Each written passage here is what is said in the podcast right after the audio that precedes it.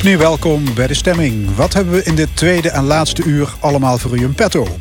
Over zo'n 25 minuten discussieert het discussiepanel over zuinig met gas, de reactivering van vliegbasis De Peel en het mondkapjesdebat. Er is een column van Jos van Wersch, maar eerst bewindsvrouw Vivianne Heijnen. De enige Limburger in het kabinet Rutte 4. Ze was wethouder in Maastricht en nu staatssecretaris van Verkeer en Waterstaat met zo'n 100 dagen op de teller. Het is een journalistending om dan een eerste balans op te maken. Aan tafel bij ons Vivianne Heijnen. Mevrouw Heijnen, welkom. Dank u wel. Ik wil met het allerergste beginnen. De ellende op het spoor. Afgelopen zondag. Uh, ja, toen liep alles in de soep hè, door een storing in het uh, IT-systeem. In heel Nederland liep niet één trein. Wat vindt u daarvan? Ja, ja, er liep inderdaad geen één trein van de NS. Ja, ik heb uh, daar ook uh, wel wat uitspraken over gedaan. In het vragenuurtje in de Tweede Kamer bijvoorbeeld. Hè. Ik heb ook gezegd dat ik vond dat uh, de NS op dat punt echt onder de maat heeft gepresteerd. Het is een groot probleem geweest voor vele reizigers. Um, er is een groot beroep gedaan op de, op de zelfredzaamheid van reizigers. Hè. er was een Kamerlid van GroenLinks die vroeg ook van... maar hoe zit het dan met de kwetsbare mensen? ja, iedereen ja. moest zelf naar huis zien En waarom, waarom zijn er geen bussen ingezet? Voor, ja, van nou ja, dat is dus een vraag die ik ook gesteld heb. Kijk, en het is natuurlijk allemaal heel complex, dat snap ik ook. Hè. Het is een heel groot systeem. Het is heel geconcentreerd. Hè. Het is een, heel intensief gebruikt systeem. Dus je moet natuurlijk ook zorgen dat als je rijdt, dat dat veilig kan. Uh, maar uh, ja, ik ben altijd iemand, uh, als dingen niet kunnen, dan probeer ik toch altijd te kijken wat kan er dan wel. Maar er kon dus helemaal niks. En uh, nou ja, ik heb met de NS ook gesproken. Ze zijn bij mij langsgekomen, de directie. Ze zijn het overigens ook wel eens. Hè, dat, ze hebben ook een excuses aangeboden aan de reizigers. En uh, ja, beterschap beloofd. En onderdeel van uh, ja, ook beterschap beloven, dat is volgens mij in de eerste plaats heel belangrijk dat ze gewoon toegeven van het moet beter. He, want je kunt natuurlijk ook ervoor kiezen om te zeggen van ja, maar ja, er waren allerlei omstandigheden. Nee, ze hebben gewoon gezegd het moet beter. Heb, hebben wij vanuit het kabinet ook gezegd. En dan is het ook goed, dan heb je dat met elkaar besproken en dan kijk je weer vooruit hoe het beter kan. Okay, u heeft gewoon de president-directeur van de NS op uw kamer ja, ontboden. Die heb ik okay. gevraagd om meteen langs te komen. Mevrouw ja. Rentel, ja. ja. Ja, het kan natuurlijk gebeuren, zo'n storing in het computersysteem. Ja. Maar dan zou je verwachten dat er een noodplan in werking treedt. Ja. Nou ja, ze hadden dus inderdaad een. een ja, dat, dat zou je dus verwachten. Dus dat zijn ook maar is allemaal. er überhaupt een plan B? Nou ja, er is een backup systeem. Normaal. En dat functioneerde niet dan? Nee. Oké. Okay. En dat zijn dus allemaal dingen die heb ik ook met hun besproken. En ik heb ook gezegd tegen ze: ik wil dat dat allemaal wordt onderzocht. En dan wel ook onafhankelijk. Want uh, ja, je moet natuurlijk ook zorgen dat de uitkomsten van zo'n onderzoek. Uh, ja, die kijken natuurlijk vooral heel erg terug. Maar we hebben ook gezegd van er moet ook gekeken worden hoe voorkomen we dit. Ja, want hoe toekomst. groot is de kans op herhaling? Ja, nou ja, misschien dat, op dit uh, moment, as we speak, weer de boel plat ja, ligt. Nou ja, dat, dat, je, je moet dus kijken hoe weerbaar zijn die computersystemen. Hè? Hoe afhankelijk ben je daar ook van? Ja. Kamerleden die vroegen bijvoorbeeld ook van... is het niet toch verstandig om weer wat meer in gebiedjes te gaan werken? Hè? Want nu is het één groot systeem. En als dat dus crasht, dan crasht dus, uh, crashen alle treinen van de NS. Uh, um, zeg maar dat, of tenminste kunnen ze niet rijden. dus ik denk wel dat het heel belangrijk is om antwoord te krijgen op die vragen. En vervolgens dus te kijken van welke lessen trekken we weer uit, zodat dit niet meer voorkomt. Ja, Want het is echt een probleem de, geweest. Ja, de overheid is 100% eigenaar van de NS, vandaar dat u erover gaat. Het is wel een hoofdpijnportefeuille, hè? Uh, Heeft ja. u bij de verdeling van de portefeuilles niet gezegd... geef dat maar aan iemand anders? nou, uh, Mark Halbers, doe het lekker zelf. Ja, uh, nou de, de aandeelhouder, het aandeelhouderschap dat zit wel bij financiën. Dus dat is bij Sigrid Kaag. Maar ik ga dus echt over de afspraken die we hebben... over hoe het systeem wordt ingeregeld. Dus dat betekent dat bijvoorbeeld ook um, de Arriva-treinen... maar ook, um, dat het is dan hier in Limburg natuurlijk... en ook de bussen, dus alle openbaar vervoer... dat valt bij mij in portefeuille portefeuille, ja. maar ook fiets. Ja, ja, u zit sowieso met een, met een volle portefeuille. Hè? Ja. Milieu, gevaarlijke stoffen, circulaire economie, bodem. Dus ook de hele PFAS-problematiek ligt op uw bord. Ja, ja. Geluidshinder, openbaar vervoer, internationaal OV, de fiets, u zei het al, en mm. nucleaire veiligheid. U hoeft zich nooit meer te vervelen. Nee, ik hoef, ik hoef me inderdaad niet te vervelen. Eh, maar wat ik het interessante vind aan de onderwerpen... want uh, toen, toen Hoekstra mij vroeg, hè, van ben je beschikbaar... Uh, toen heb ik echt ook wel best wel getwijfeld. Omdat ik dacht van ik kan niet echt weg uit Maastricht. Want ja, ik voelde me daar heel erg ja, verbonden met alles wat ik daar aan het doen ja. was. En het zit niet echt in mijn aard om dan ineens wat anders te gaan doen. En toen heb ik uiteindelijk gezegd, ik wil het wel doen. Maar dan wel als het een portefeuille is die mensen raakt. En dit is eigenlijk natuurlijk een vrij technische portefeuille als je het zo hoort. Hè? Milieu en circulaire economie en uh, openbaar vervoer. Uh, nucleaire veiligheid. Uh, maar alles wat ik doe, dat raakt heel direct mensen. Ja. En uh, mijn uitdaging nu de komende jaren is om om dus uit te gaan leggen wat die technische dingen die wij allemaal beslissen in Den Haag, wat dat betekent voor uh, mensen, bedrijven, organisaties okay. in het land. Nucleaire veiligheid. Dan moet ik denken aan de kerncentrale in Tihange, hier vlak over de grens. Die zou in 2025 sluiten, maar die blijft tien jaar langer open. Wat vindt u van dat plan van de Belgen? Um, kijk, ik denk dat uh, kernenergie, je ziet daar verschillende bewegingen. Hè? Dus bijvoorbeeld in Duitsland zie je dat ze heel erg zijn aan het afbouwen met betrekking tot kernenergie. In Nederland zie je dat we ook in het coalitieakkoord hebben afgesproken om toch weer te kijken wat de opties zijn. Ja, het plan van Kamerlid Bontebal die wil nieuwe ja. moderne kernreactoren gaan bouwen. Ja, en het lastige is dus dat je aan de ene kant um, ja, ook geen afhankelijkheid wil hè, van andere energiebronnen die misschien in andere landen worden gemaakt. En nou ja, de de oorlog die we nu uh, zien in, uh, tussen Oekraïne en Rusland, die wijst ons natuurlijk wel, of die drukt ons met de neus op de feiten. Uh, ja. Dat we ook heel goed moeten kijken van hoe kun je nee, zelf. Zeker, maar er is ook altijd een verschil hebben. tussen die kleine moderne kernreactoren, ja. die kennelijk veilig zijn, ja. en die gammele fluitketel van Tihange. Ja, nou ja, dus dat wordt dan ook allemaal heel goed bekeken. En op het moment dat er situaties zijn die onveilig zouden zijn, dan trekken wij natuurlijk meteen aan de bel. U uh, heeft niet tegen de Vlaamse regering gezegd. Uh, nou, wat stop, wij doen is wij houden heel goed in de gaten van uh, voldoet het. Hè? En uh, zijn er ook dingen waarvan wij vinden dat daar aandacht aan moet worden gegeven door België. Nou, op het moment dat dat zo is, dan geven we dat per direct door. Maar ik heb me wel meteen laten bijpraten toen uh, om te vragen van wat is nou de situatie, ook op het gebied van de veiligheid. En er is mij verzekerd dat er op dit moment geen um, aanleiding is om ons zorgen te maken. Maar gelooft u mij maar, zeker komend uit dit gebied en wetend hoe dat speelt. Uh, dat, uh, dat ik me daar wel uh, intensief ook over zal laten informeren en actie zal nemen als dat moet. Maar ik vind het ook belangrijk om gewoon wel te zeggen dat op het moment dat er wordt aangegeven van het kan veilig, dan vind ik dat ook mijn taak om dat te moeten zeggen. Hè? Um, dus bij deze. Ja, u bent nu zo ongeveer 100 dagen in functie als staatssecretaris. Hoe bevalt het? Ja, het bevalt eerlijk gezegd steeds beter. Um, het, was, het was best wel voor mij een omschakeling in het begin. Hè. Ik uh, kwam uit de lokale politiek van Maastricht. Um, kende daar iedereen. Uh, dus ik was zelf acht jaar raadslid geweest. Um, daarna vier jaar wethouder. Uh, ik kende de ambtenaren. Ik kende ja, de mensen in de stad, de bedrijven waarmee ik te maken had. De onderwerpen waren mijn eigen. Nou ja, en dan ga je dus ineens naar, een, naar echt wel een hele andere wereld. die ook wel echt wel best wel af en toe wat hard kan zijn. Um, maar ik vond het wel altijd heel erg belangrijk. En dat vind ik echt nog steeds. dat er goede regionale vertegenwoordiging in Den Haag is. Ja. En uh, nou ja, dat was voor mij een belangrijke ja, reden was- om het wel te doen. Ja, want, want Terwijl het voor mij niet altijd even makkelijk is. Ik bedoel, ik ben veel alleen natuurlijk. Hè, want je zit toch van maandag tot en met vrijdag zit je in Den Haag. Ehm, En dan ga je na het werk naar je appartementje en dan zit je daar vervolgens weer te ploeteren Ja, de avond dan door. krijg je, de, dan krijg je vaak de tas mee. Dat is een, eh, Ja. een hele grote joekel. eh, die van, eh, van voor tot achter nog met stukken gevuld wordt. Die je dan in de avond kunt afdoen. Tegenwoordig gaat wel dus veel avondje digitaal. Netflix zit er niet in. Nou, dat is wel wat zeldzamer geworden, ja. Ja. Ik begrijp dat CDA-leider Wopke Hoekstra u persoonlijk heeft opgezocht hier in Maastricht.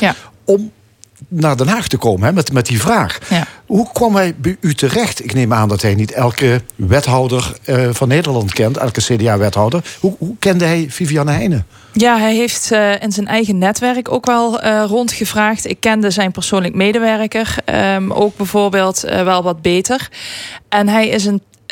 hij is een tijdje geleden ook een werkbezoek komen brengen aan Limburg. En ehm, ja, daar hebben we hele mooie projecten bezocht. En hij kwam blijkbaar een beetje kijken hoe ik was. Maar ik was ook heel erg aan het kijken van hoe is hij nou?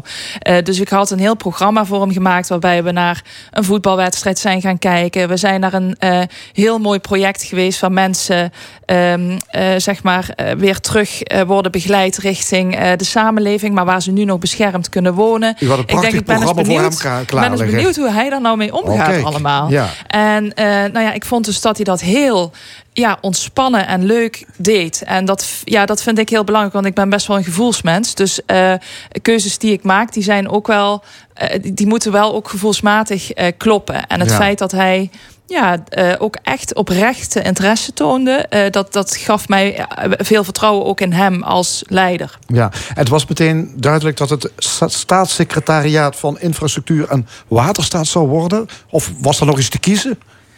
Uh, nou, ik heb heel duidelijk tegen Wopke gezegd: als het een portefeuille is Um, waar, eh, waar ik niks mee kan, waar ik geen toegevoegde waarde heb, dan doe ik het niet. En dat moeten we gewoon allebei ook niet willen.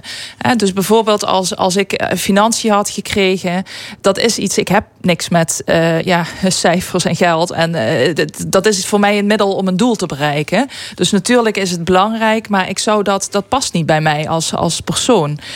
Uh, dus ik heb wel toen heel duidelijk gezegd, ik wil iets doen wat bij mij past. En toen ik hoorde dat um, ja, het mogelijk infrastructuur en waterstaat zou worden. Toen heb ik gezegd van zit daar dan ook internationaal openbaar vervoer bij? En toen zei hij ja, dat, zal, uh, dat, uh, dat, daar zullen we dan zeker nog goed op letten. En nou ja, wat kijk, voor mij was dat belangrijk, omdat ik kom uit Maastricht. Uh, hier in Limburg hebben we, ik weet niet hoeveel. Ja, ik wil het zo meteen inderdaad nog hebben over uh, internationaal vervoer. Ja. Maar misschien toch die eerste kennismaking in Den Haag. Het was even wennen, hè, want u liep, geloof ik, naar het verkeerde sprekersstoelte in de Tweede Kamer de, bij de eerste ja. beurt. Ja, dus dan ziet u dat ik echt. Ik moest aan alles wennen, letterlijk. Dus uh, alles was nieuw voor me. En hè, ja, ik mag bijvoorbeeld ook niet meer zelf auto rijden. Dat is ook best wel een beetje apart. Hè, want ik ben iemand die vrij zelfstandig is. En nu in het kader ook van de veiligheid hoor. Um, uh, wordt gewoon gezegd van ook privé mag je eigenlijk niet meer rijden. Uh, dus je levert best wel veel vrijheid in. maar alles wordt wel uit extreem goed voor je geregeld. Ja, en natuurlijk alles ligt onder een vergrootglas. Ja. Want in de gemeentepolitiek, daar loop je misschien heel af en toe als een journalist tegen het lijf. In Den Haag word je eigenlijk voortdurend gevolgd door journalisten. Ja. Ja. ja, daar is het. Uh, ja, en zij moeten natuurlijk ook nog een beetje aan mij wennen. Hè? Want ik ja. ben iemand. Um, kijk, ik krijg altijd. er zijn al, er zijn al natuurlijk wat interviews geweest. Hè? Ja, er zijn een heleboel interviews geweest. En ook een, een aantal ja. debatten natuurlijk. Ja. Kijk, en, um, maar ik, ik heb in Maastricht altijd gewerkt, ook op basis van een bepaald soort vertrouwen en, en interesse in ook wat, wat een ander vindt. Hè? Ja, maar, maar deze wereld is natuurlijk keihard. Ja, maar ik vind wel dat uh, de eerste debatten die ik bijvoorbeeld met de Kamer heb gehad, daar heb ik. Ik krijg van el, u moet zich voorstellen, van elk antwoord dat ik geef, krijg ik een beschrijving wat ik zou kunnen antwoorden. Maar dat hoeft niet per se mijn antwoord te zijn, natuurlijk. Hè? Um, dus ik probeer ook echt zo goed mogelijk te antwoorden en te luisteren wat de Kamerleden bijvoorbeeld, wat die aan mij vragen. Um, zodat we ook echt een goed gesprek krijgen over de vraag achter de vraag. Ja. Uh, overigens, bij een van die eerste um, optredens in de, in, de, in de, Tweede Kamer kreeg u meteen al het verwijt dat u de Kamer verkeerd uh, had uh, ingelicht. Hè? De Telegraaf die ging meteen helemaal los. Had te maken met Tata Steel, met een schip. Of dat nou ja. op ja. zee of aan, aan, in de haven ver, ver, verhuild was. Maar wat vond u daarvan? Nou ja, meteen dat verwijt. Kijk, dat vond ik dus een hele interessante. Hè? Want ik had dus met de Kamer een heel goed debat gehad. Ze kwamen ook na afloop, ook van de oppositie, kwamen een paar mensen zeggen van nou, dat was echt een fijn gesprek dat we hebben gehad. Uh, maar ja, ik zat er net drie weken. Ik weet al, ik vond al dat ik best veel wist, maar je weet natuurlijk op zo'n moment echt nog lang niet alles. En uh, nou ja, ik had gezegd dat een schip aan een, uh, een dat niet meer aan een kabel lag en dat bleek wel aan een kabel te liggen. Ja. Ik vind dat gewoon een, het was echt een vergissing. Ja. Dus ik, toen ik dat hoorde na afloop van de ambtenaren, toen heb ik gezegd: oh, stuur even een briefje naar de Kamerleden om ze dat te laten weten. Ik heb daarna nog met een meneer van de Partij voor de Dieren gesproken, met meneer Van Raan. En die zei van nou, wat fijn dat, dat we gewoon open hebben kunnen spreken met elkaar. Dat je dan gewoon constateert van oh, ik heb iets niet helemaal goed gezegd. En dat je dat even laat weten. Ja, de Telegraaf kopte meteen. ja, uh, staatssecretaris. Dus vervolgens zag ik die kop en ik schrok me natuurlijk een hoedje. En ik vond het ook wel um, ja, niet helemaal recht doen doen, als ik heel eerlijk ben, aan ehm, ja, het feit dat ik dus eigenlijk een relatief kleine verspreking deed. of een kleine vergissing maakte. En dan meteen en van die chocoladeletters in de. De Kamer verkeerd informeren. Ja. Politieke doodzonde. Maar, maar, zo hard is het. Ja, dus, dus, dus daar ben ik enorm van geschrokken. En dat, dat zijn ook wel dingen die. Um, ja, daar, daar moet ik natuurlijk wel een beetje aan wennen. Want zeker omdat ik ook weet hoe de Kamer er zelf naar keek. Ja, dan, um, ja, dan zie je dat, dat het best wel hard kan zijn. Maar aan de andere kant heb ik ook hele fijne gesprekken met media ook al gehad. En um, ja, dat, ja, dat zal. is ook een hartstikke fijn gesprek. Zo is het. u kwam vorige week in het nieuws met dat verbod op wegwerpplastic.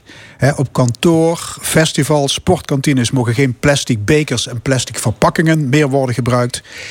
Uh, heeft u dat zelf bedacht of is dat gewoon uitvoering van Europees beleid? Nou ja, eh, het is eigenlijk twee dingen. Het is sowieso Europees gezien willen we af hè, van de plastic soep. Ja. En uh, mijn voorgangster, Stientje van Veldhoven, die heeft daar ook heel veel um, aan gedaan om, om bepaalde dingen in gang te zetten. Want ik moet natuurlijk uh, wel eerlijk erbij zeggen dat bepaalde dingen die ik nu doe, hè, zoals bijvoorbeeld dat verbod op plastic, dat is iets wat natuurlijk al ook voor mijn tijd in gang is gezet. Ja. Uh, maar uh, dat neemt niet weg dat het nog steeds een eigen afweging is hè, van mij om te kijken hoe, hoe, ver wil je daarin gaan.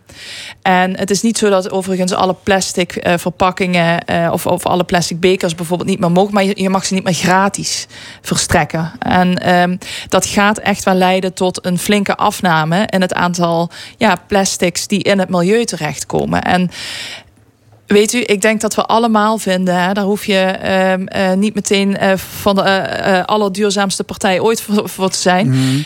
maar iedereen vindt dat we op een betere manier met ons milieu moeten omgaan en dat we dat moeten beschermen. Want iedere dag worden 19 miljoen plastic bekertjes en maaltijdverpakkingen weggegooid. Ja. 19 miljoen? Ja, 19 miljoen per dag in Nederland. Hè. Geldt dit verbod ook voor de supermarkt? De plastic verpakte komkommer? Ja, nou ja, dat is, dus bijvoorbeeld iets dat hier niet onder valt. Okay. En um, dat is wel, dat is nou zo'n maatregel waarvan ik me heel goed kan voorstellen dat we eens gaan kijken. Hè, want andere landen doen dat bijvoorbeeld wel. Van, uh, is dat iets wat we ook moeten willen? Uh, wat zijn de redenen waarom we dat op die manier uh, wel nog aanbieden?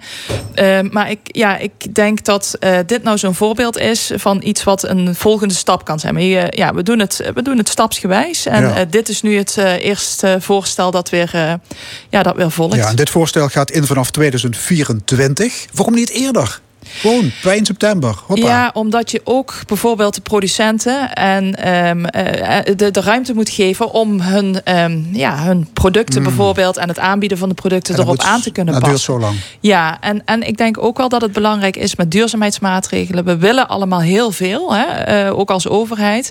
Maar je moet wel zorgen dat je iedereen er goed in blijft meenemen. Want anders dan krijg je ook dat het draagvlak uiteindelijk minder groot wordt. En we willen net zorgen dat we stap voor stap wel vooruit gaan. U gaat ook over uh, het milieu, maar ja. niet over het klimaat. Dus u heeft wel raakvlakken met de stikstof-ellende.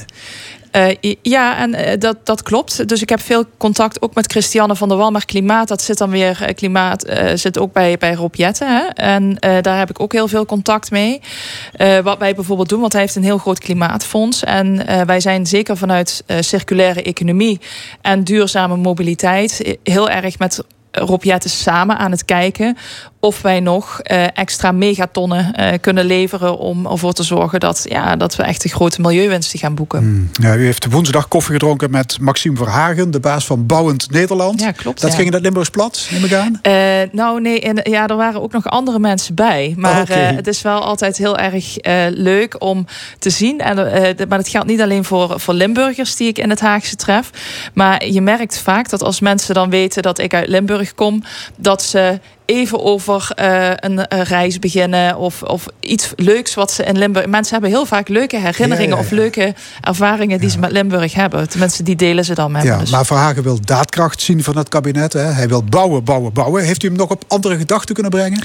Nee, maar wij willen allemaal bouwen. Hè? Uh, maar we moeten wel zorgen dat we dat doen op een manier uh, dat we toch ook kijken naar hoe gaan we dat doen met, met bijvoorbeeld die stikstof. Precies. En daar zijn we volop over in, in, in gesprek natuurlijk ook met, uh, ja, bijvoorbeeld, ik was afgelopen week nog in Deurne uh, bij, uh, bij een boerenbedrijf, maar ook en dat is een gebied met heel veel intensieve veeteelt bijvoorbeeld. Hè. En ja, je ziet dat daar dat, best wel veel functies, dus wonen, werken, recreëren, dat komt daar allemaal op een postzegel, zei meneer, komt dat bij elkaar. En um, je merkt dat we een beetje schuren langs de randen van wat wenselijk is en wat niet.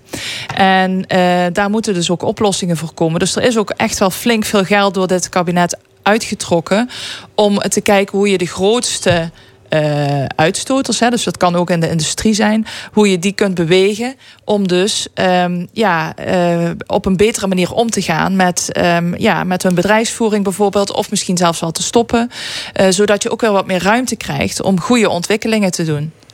Ja, u zei het al, u gaat ook over grensoverschrijdend openbaar vervoer. Dat vindt u erg belangrijk. Komt natuurlijk zelf hier uit uh, de grensregio. Treinen en busdienstregelingen, ja, die worden nu nog steeds nationaal uitgerold. Hè? Het houdt eigenlijk zo'n beetje op bij de grens. Hoe anders zou dat moeten worden?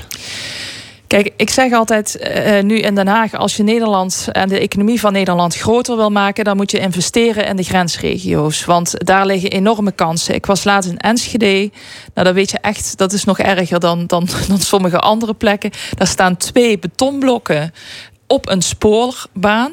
Aan de ene kant van, de, van het spoor stopt de Nederlandse trein. En aan de andere kant van de betonblok begint de uh, trein die dan doorloopt naar Duitsland. Omdat de systemen niet op elkaar zijn aangesloten.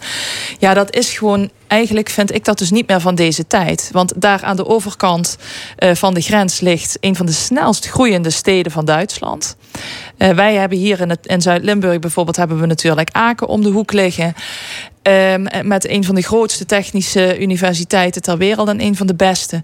Dus ja, um, we moeten, als we echt ook denken dat wij een, een, een soort van arbeidsregio zijn en die kenniseconomie die wordt steeds belangrijker, ja, dan moeten we ook die, uh, die bereikbaarheid goed regelen. Ja, maar en, het, is, het is blijkbaar heel moeilijk, hè? want er is een ja. intercity van Amsterdam naar Heerlen.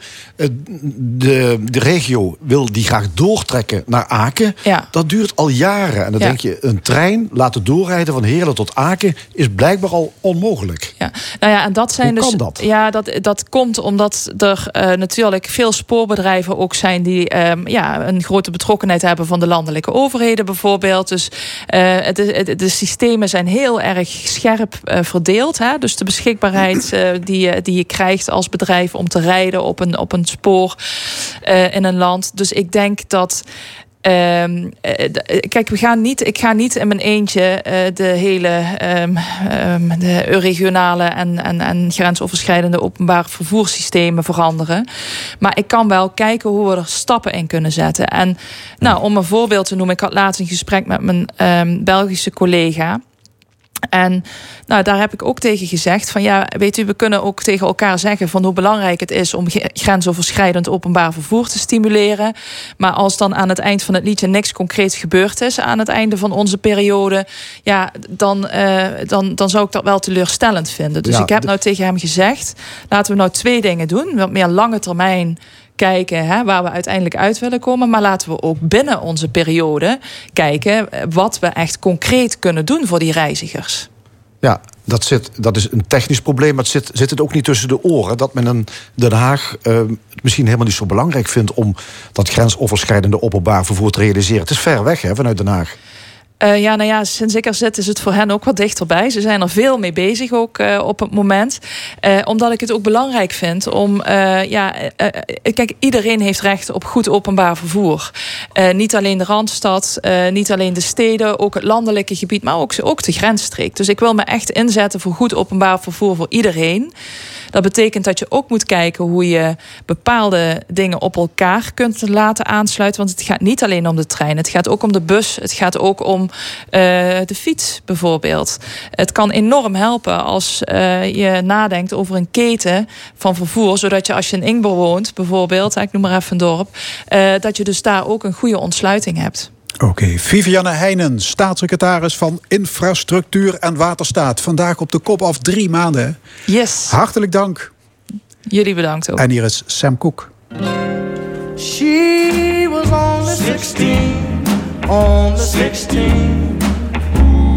I loved her so, but she was too young to fall in love, and I was too young to know. We'd laugh and we'd sing and do the little things that made my heart glow. But she was too young to fall in love, and I was too young to know. Why did I give my heart so fast? It never will happen again. But I was a mere lad of sixteen. I've aged a year since then. She was only sixteen, only sixteen, with eyes that would glow. But she was too young to fall in love, and I was too young to know. Then why did you give your heart so fast? Boy, it never will happen again. But you were a mere lad of sixteen. I've aged a year since then. She was only sixteen, only sixteen, with eyes that would glow. But she was too young to fall in love, and I was too young to know. But she was too young. De column. Vandaag met Jos van Wersch.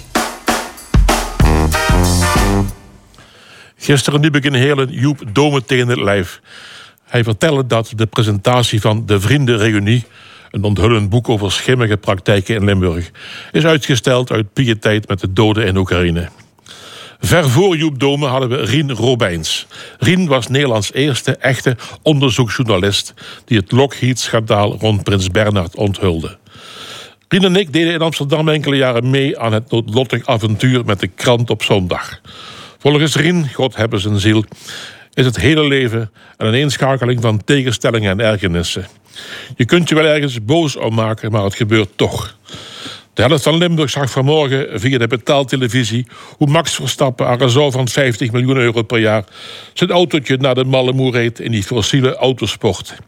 De andere helft van Limburg was op datzelfde moment hout aan het sprokkelen voor de allesbrander.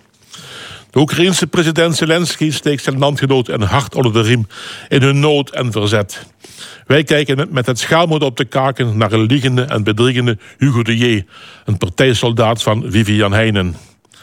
Als op Koningsdag de raketten instaan in Oekraïne, speelt Anne Rieu als toegeeft hopelijk niet de second wals van de Russische componist Sostakovich. En God verhoede dat Beppie Kraft Don't Cry For Me Argentina gaat blaren voor Maxima. Koningsdag in Maastricht, het zal en moet doorgaan. Ook al is er oorlog in Europa. Ons hart is op Koningsdag bij de Oekraïners, zegt burgermoeder Annemarie Pen, terwijl de Rus de Donbass bombardeert. Koning Lex schijnt tegen zijn gewoonte in toch nog even getwijfeld te hebben of hij nou wel of niet in Maastricht mag komen feesten. Want ja, hij heeft al drie gele kaarten op zak en rood betekent eindoefening, heeft Rutte gezegd. Niettemin waagt onze voormalige prins Pils het erop. Hij komt definitief naar Maastricht. Hij heeft zelfs beloofd dat hij op het Vrijthof een toast zal uitbrengen... met en op de moeder aller zengen, de Wiekse Witte. Je kunt je wel ergens boos om maken, zei Rien Robijns. En je kunt wel een boekpresentatie uitstellen. Maar Maastricht kiest Toje voor... Hoe is dat feestje? Hij is dat feestje. Wat moet er in Europa nog meer gebeuren om een verjaardagspartijtje af te blazen? In Maastricht hebben ze een passende uitdrukking voor blunderen... in die eigen test gescheten hebben.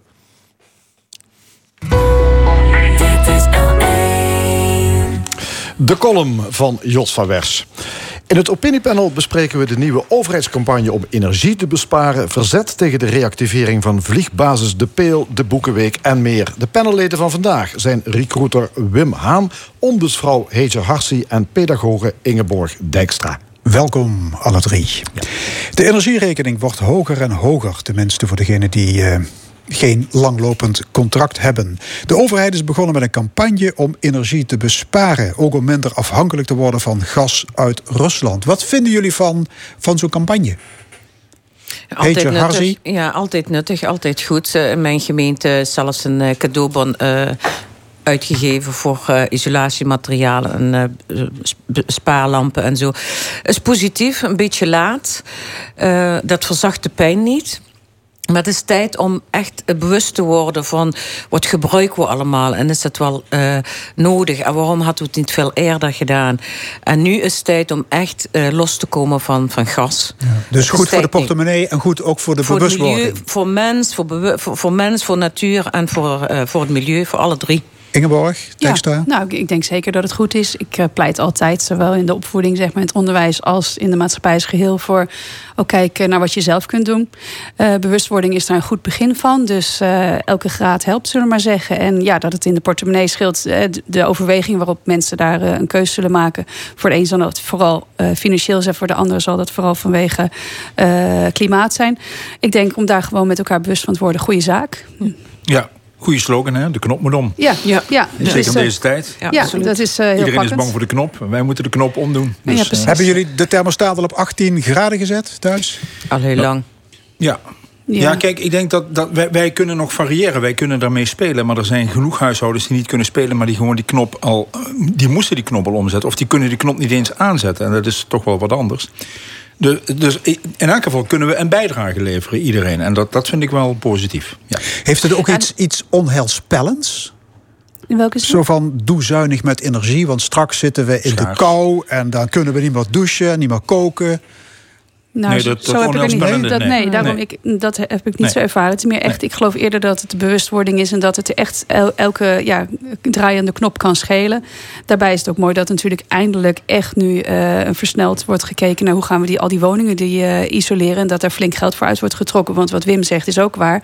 Uh, het wordt tijd dat we al die EF-huizen in Nederland flink gaan isoleren. Zodat daar ook die doelgroep dat direct aan de portemonnee gaat merken. En, en wel heel snel.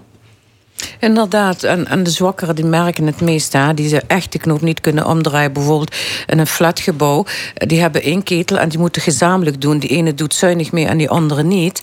Of die laat de raam open en de verwarming die, die draait gewoon. En dan merk je heel goed van... Goh, uh, wooncoöperatie, waar ben je mee bezig? Waarom heb je dat überhaupt uitgevonden. Want je kan niet de kraan dichtgooien voor iedereen. Dus het is nog gemengd, maar de bewustwording moet nog veel meer gebeuren. Echt, dat moet veel meer. Ja. Ja. Vinden jullie dat Nederland en eigenlijk de hele Europese Unie zou moeten stoppen met de import van Russisch gas?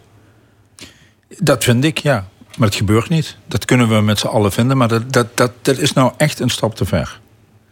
Uh, zou je echt willen helpen, zou je echt een daad willen doen met impact, dan zou dat nadrukkelijk plaats kunnen vinden. Maar dan zie je dat, en dat zie je bijna in alles, ook in de onderwerpen die straks aan tafel komen, dat er altijd wel een economische factor een rol speelt.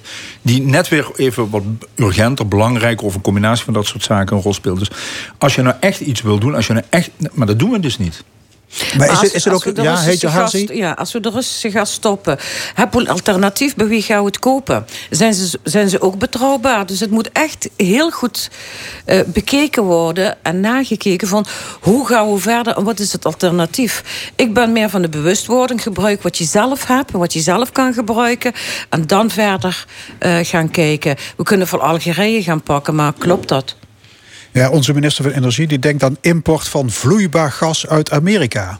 Maar ja, de vraag is of je, daarmee, of je het daarmee redt. Hè? Ik bedoel, zonder Russisch gas zullen we toch onze inspanningen op het gebied van de energietransitie moeten intensiveren. Juist. Of niet? Anders redden we het toch niet? Ja, ja precies. Ja. Ja, dat, als, je, als, je, als je de, de minister hoort, dan zijn. Ik vind het altijd lastig als er drie redenen zijn. Volgens mij is er één belangrijke reden. En de, de reden is natuurlijk: het is goed voor je portemonnee om nu uh, zuinig aan te doen. De tweede is: het is voor het klimaat. En de derde, we willen wat minder afhankelijk zijn. Dat is het riedeltje wat steeds naar voren komt. Uh, volgens mij zou het belangrijkste moeten zijn dat, dat we naar een andere toekomst willen. En dat we dus andere bronnen moeten hebben. Maar Juist. Dat, dat, ja, je zei net, het is ook voor het klimaat. Maar ik heb begrepen dat steenkool aan een revival bezig is. Want dat betekent extra CO2-uitstoot. En dat kan toch niet de bedoeling zijn? Er is net een nieuw alarmerend VN-rapport over het klimaat verschenen. Ja, dan zie je hoe belangrijk eh, we afhankelijk zijn geweest... en hoe makkelijk we zijn geweest van eh, de, de, de gemakzucht... en het goedkoop zijn van het invoeren van gas... ongeacht wat de achtergrond van dat land is, bij wijze van spreken enzovoorts. Want als je, als je dat op de korrel gaat nemen... dan inderdaad dan kun je uit, uit een aantal landen niets meer uh, betrekken. Uh, dus hoe zuiver zijn we wat dat betreft? Maar volgens mij gaat het om een nieuwe toekomst die we voor moeten geven. En dan, dan kan misschien kernenergie wel opeens een belangrijke rol spelen. Ja. Dat kan, dus gewoon goed uitzoeken. Dus eh, ik, ik ben ook geen voorstander. Je, je verlos je van de ene land, ga je afhankelijk maken van het andere land. Waar haalt Amerika dan eh, eh, echt puur uit de US, die vloeibaar gas? Daar kan ik me niet bij voorstellen. Dus dat komt ook van andere landen. Komt ook ellende erbij. Dus ik zou zeggen, ja, ga eens onderzoeken. Hoe zit het met de kernenergie? Hoe gaan we daar? Is, zijn er genoeg studies daarover? Uh, zijn, is er draagvlak daarvoor? uh... Ik denk dat het draagvlak steeds uh, belangrijker wordt. Ik denk dat we nu echt in die, die, die gamechanger kunnen zetten... om daadwerkelijk door te pakken op die manier. Maar nogmaals, met één argument. We willen naar een betere eigen toekomst toe op die Juist. manier. Ja. Voordat het weer een businessmodel wordt. Hè? ja. We gaan naar uh, De Peel. Uh, daar ligt een uh, slapende vliegbasis. En de luchtmacht die wil die basis opnieuw in gebruik gaan nemen als vliegveld. Militair vliegveld dus. Omwonenden en de gemeente vrezen geluidsoverlast. Grote gevolgen voor de geestelijke gezondheid. Wat vinden jullie? Kun je het mensen aandoen om een militair vliegveld te reactiveren? Doodse stilte. Ik hoor dat, in, uh, dat, dat, in die provincie. Ja, kun je het mensen aandoen? Er, er, wordt onder, er worden onderzocht. Hè? En volgens mij, uh, links en rechts hoor je ook dat de weerstand minder dan verwacht is tegen dat soort zaken. Dus het momentum is er van nee. Als wij van de ene kant want we zijn een beetje zeur- en zanig land. Van de ene kant zeggen onze uh, militaire uh, exposure stelt niks voor. En we willen op deze manier investeren door, wat is het, drie weken per jaar vliegbewegingen toe te staan op zo'n vliegveld, hè, dat, dat, gesloten is. Ja, dan, dan is nu bij sommige mensen, ja, wij, wij moeten ook onze bijdrage leveren. Dan is overlast helaas maar even mee te nemen. Dat is ja, 18, 18, weken per jaar trouwens. Ja, precies. Het, is, uh, het is gekaderd. En ik denk dat dit lijkt me weer typisch een voorbeeld van... wat Wim zegt is ook waar. We, willen op, hè, we moeten ook, denk ik, meer investeren in defensie als geheel. Uh, iedereen wil het, maar ja, niet in je eigen achtertuin en not in my backyard. Dat, eh, dat, ja, dus ik denk um, dat je op weerstand kunt rekenen, maar het moet goed onderzocht worden. En als ik dan bekijk hoe gespecificeerd is, hoe vaak en in periodes dat dan die vluchten gedaan worden, denk ik van, nou ja, laat maar eens goed uh, onderzoeken wat dat werkelijk voor gevolgen zou kunnen hebben voor de omwonenden. Ja, nou, daar komen Joint Strike Fighters, hè, dat is die ja, nieuwste die generatie straaljagers. Ja, zeker. Hercules transportvliegtuigen. Ja. Nou, dan weet je wat je op je dak krijgt, hè? Ja. ja. Allemaal net iets minder dan AWACS, volgens ja. mij. Oh, ja. Ja. ja, dus... ja. ja maar, maar, we willen ook andere landen helpen. Stel, we, ah, Oekraïne, we willen ze helpen van hier vanuit het Limburgse. is toch handig dat ze vanuit Venrijk kunnen vertrekken? Ja. Zou Defensie uh, het moment ook aangrijpen? Zouden ze denken van als we het willen reactiveren, zo'n vliegveld, dan moeten we het nu doen. Want dit is. Dat is het moment. En daarom ja. zijn ook voorstanders voor. Ja. En dat begrijp ik ook. Kijk, in mijn omgeving is iedereen is bang. Oekraïne is vlakbij. Ja. Stel voor komt het tot bij ons. Hoe dan? Hoe sterk is onze defensie? Hoe sterk is onze provincie? Worden we wel beschermd of niet? Persoonlijk zou ik voorstander voor zijn. Ja. Alleen voor het, het, het ja. stukje gevoel van veiligheid. Van defensie is hier. Ze doen hier oefenen. Ze, ze staan klaar ja, en diegenen die dat inderdaad niet in hun achtertuin willen hebben, met alle begrip. Ja, ja maar volgens mij, volgens mij komt er wel wat anders kijken. Namelijk dat we, eh, als we voor de gek gehouden worden met argumenten, of verkeerde argumenten, dan, dan krijg je tegenstand. Als je nou zou zeggen, we willen in Limburg een bijdrage leveren, en dat betekent dat we overlast hebben, dat er ergens even de volksgezondheid voor een bepaalde groep onder druk komt te staan. Als je dat op tafel legt, eerlijk en transparant. Maar als je het gaat proberen te redeneren dat het wel meevalt... en eigenlijk niet zo is, ja, dan, dan, dan komen er altijd twee verliezers uit. De verliezer van de omgeving en de verliezer van, van een overheid... die weer mensen voor de gek heeft gehouden. Ja.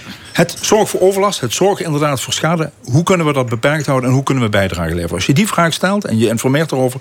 is er meer mogelijk dan, uh, dan iets stiekem doen. Ja. Dan hebben we straks weer een debat. Ja, de gemeente en ook eh, de dorpsraden die, uh, zijn eigenlijk tegen de komst van het vliegveld. Vanwege dus de geluidsoverlast. Uh, toch blijkt, de voorzitter van een van die dorpsraden die zei... Van, als ik het onderwerp aankaart met mensen... dan blijkt dat er ook gewoon mensen voor de komst van die, van die vliegbasis zijn. Verbaast jullie dat? Dat als je in, dus blijkbaar mensen die in de omgeving wonen, die zeggen van laat maar komen, het maakt mij niet uit. Nee, dat verbaast me niet. Ik denk dat dat met, met allerlei voorstellen zo kan zijn. En zeker het momentum is er nu wel. Het is natuurlijk ook zo dat dit voorstel al langer lag, hè, ruim voor dat, uh, gewoon uh, vorig jaar al. Maar ik denk dat uh, ja, mensen dat gevoel van veiligheid of het gevoel van oké, okay, dan lever ik maar iets in. We weten allemaal dat we door de oorlog in Oekraïne op een bepaalde manier moet, moeten inleveren. Dat zou zo'n gedachte kunnen zijn van oké, okay, als ik dan een paar weken per jaar of een aantal weken per jaar die herrie over mijn huis moet horen, so be it. Maar als dat een gemeenschappelijk gevoel van veiligheid uh, creëert en Juist. bijdraagt aan een sterkere defensie, dan zijn denk ik mensen wel bereid om iets te doen. Ja. ja.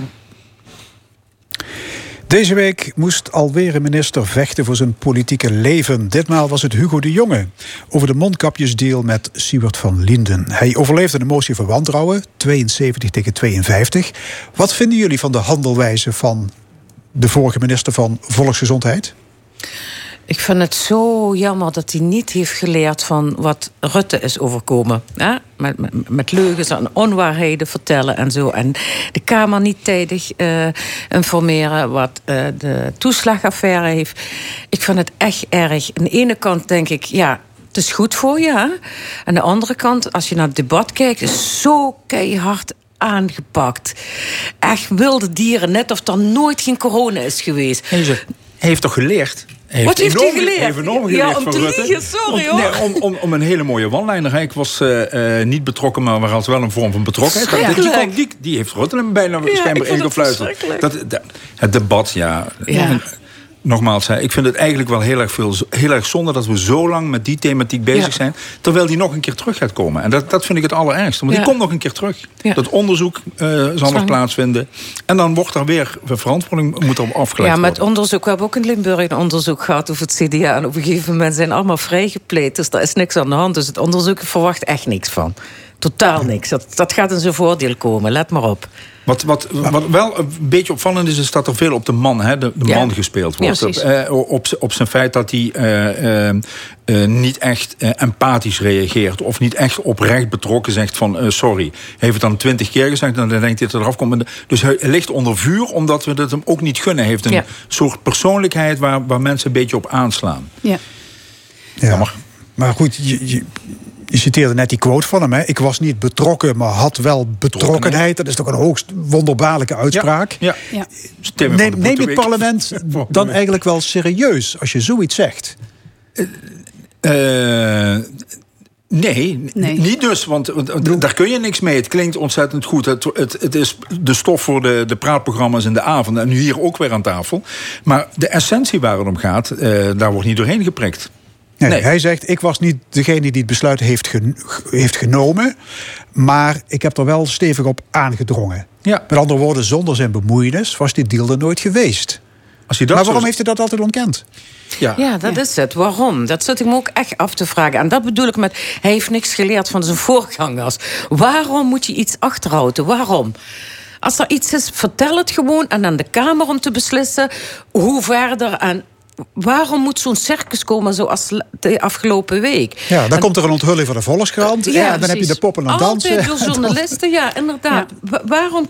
Vanaf het begin, vanaf dag één... dat die meneer, zijn ze achtergekomen... dat hij een flinke wens op heeft gekregen... dan gaat hij zelf biechten, zelf vertellen... van dat en dat en dat is gebeurd. Ik vertel het nu, laat een onderzoek komen... maar dat is wat gebeurt. Dus ook, ook de burger, die zit zo lang te wachten... van de ene kant denk ik... ja, het is een goede minister, hij heeft gezorgd... dat mondkapjes komen. Dat het personeel in het ziekenhuis uh, veilig kan werken met die, met die mondkapjes.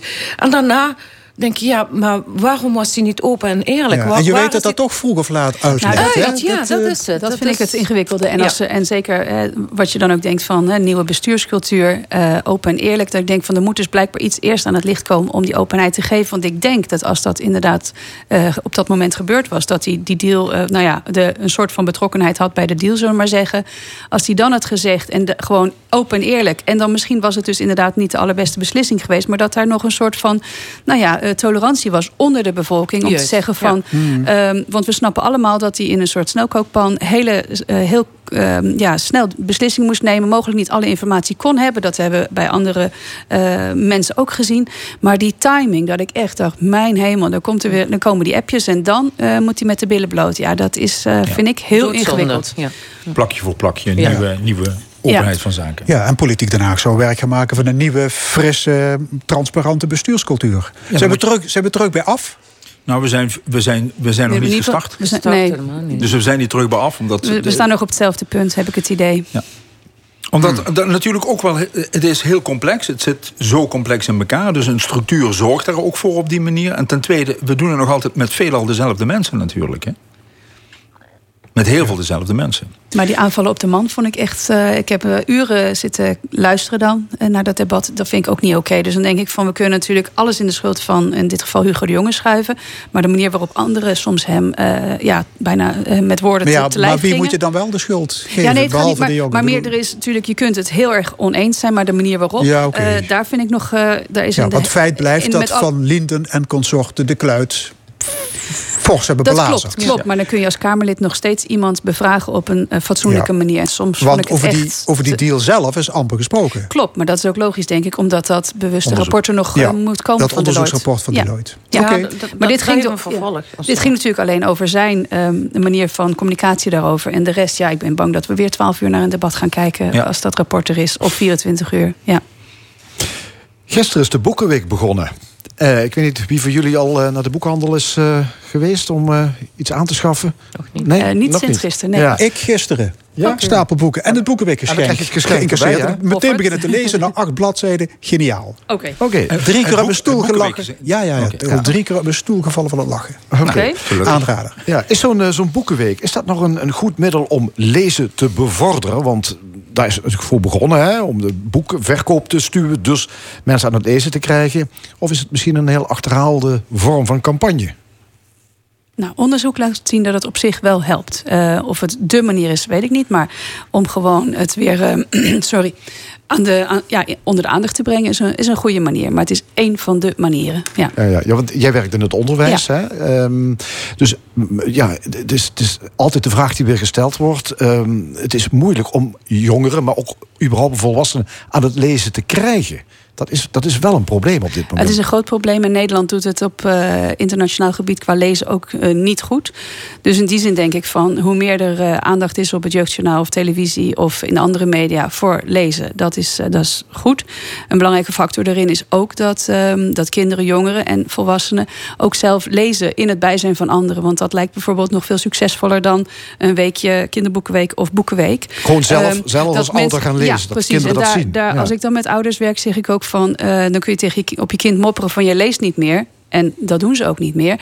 Maar uh, hoe vaak zit je zelf als vader of moeder op de bank zonder ergens een scherm in je hand of voor je hoofd? En lees je zelf nog. En, en, de, en onderzoeken laten zien dat dat bijvoorbeeld het meest uh, veel invloed heeft. Leerkrachten ook. Hè. Kinderen moeten op school vaak uh, lezen. een kwartier, een half uur per dag, prima. Maar als je als leerkracht dan niet zelf meeleest, zie je ook dat het rendement bijvoorbeeld minimaal is. Dus ga, pak dan ook als leerkracht zelf een boek en ga niet je achterstallige um, administratie doen, waarbij dat ook heel veel is, maar dat is een ander onderwerp. Ja, ja. het is vooral het beeldscherm, hè, dat toch verleidelijk zeker, is. Zeker, en dat we leven in een andere tijd. Natuurlijk kun je ook wel digitaal lezen, maar er gaat niks boven een papieren boek en het omslaan van een echte bladzij, wat ja. mij betreft. En de geur en, en uh, ja, het voelen. Ja. ja.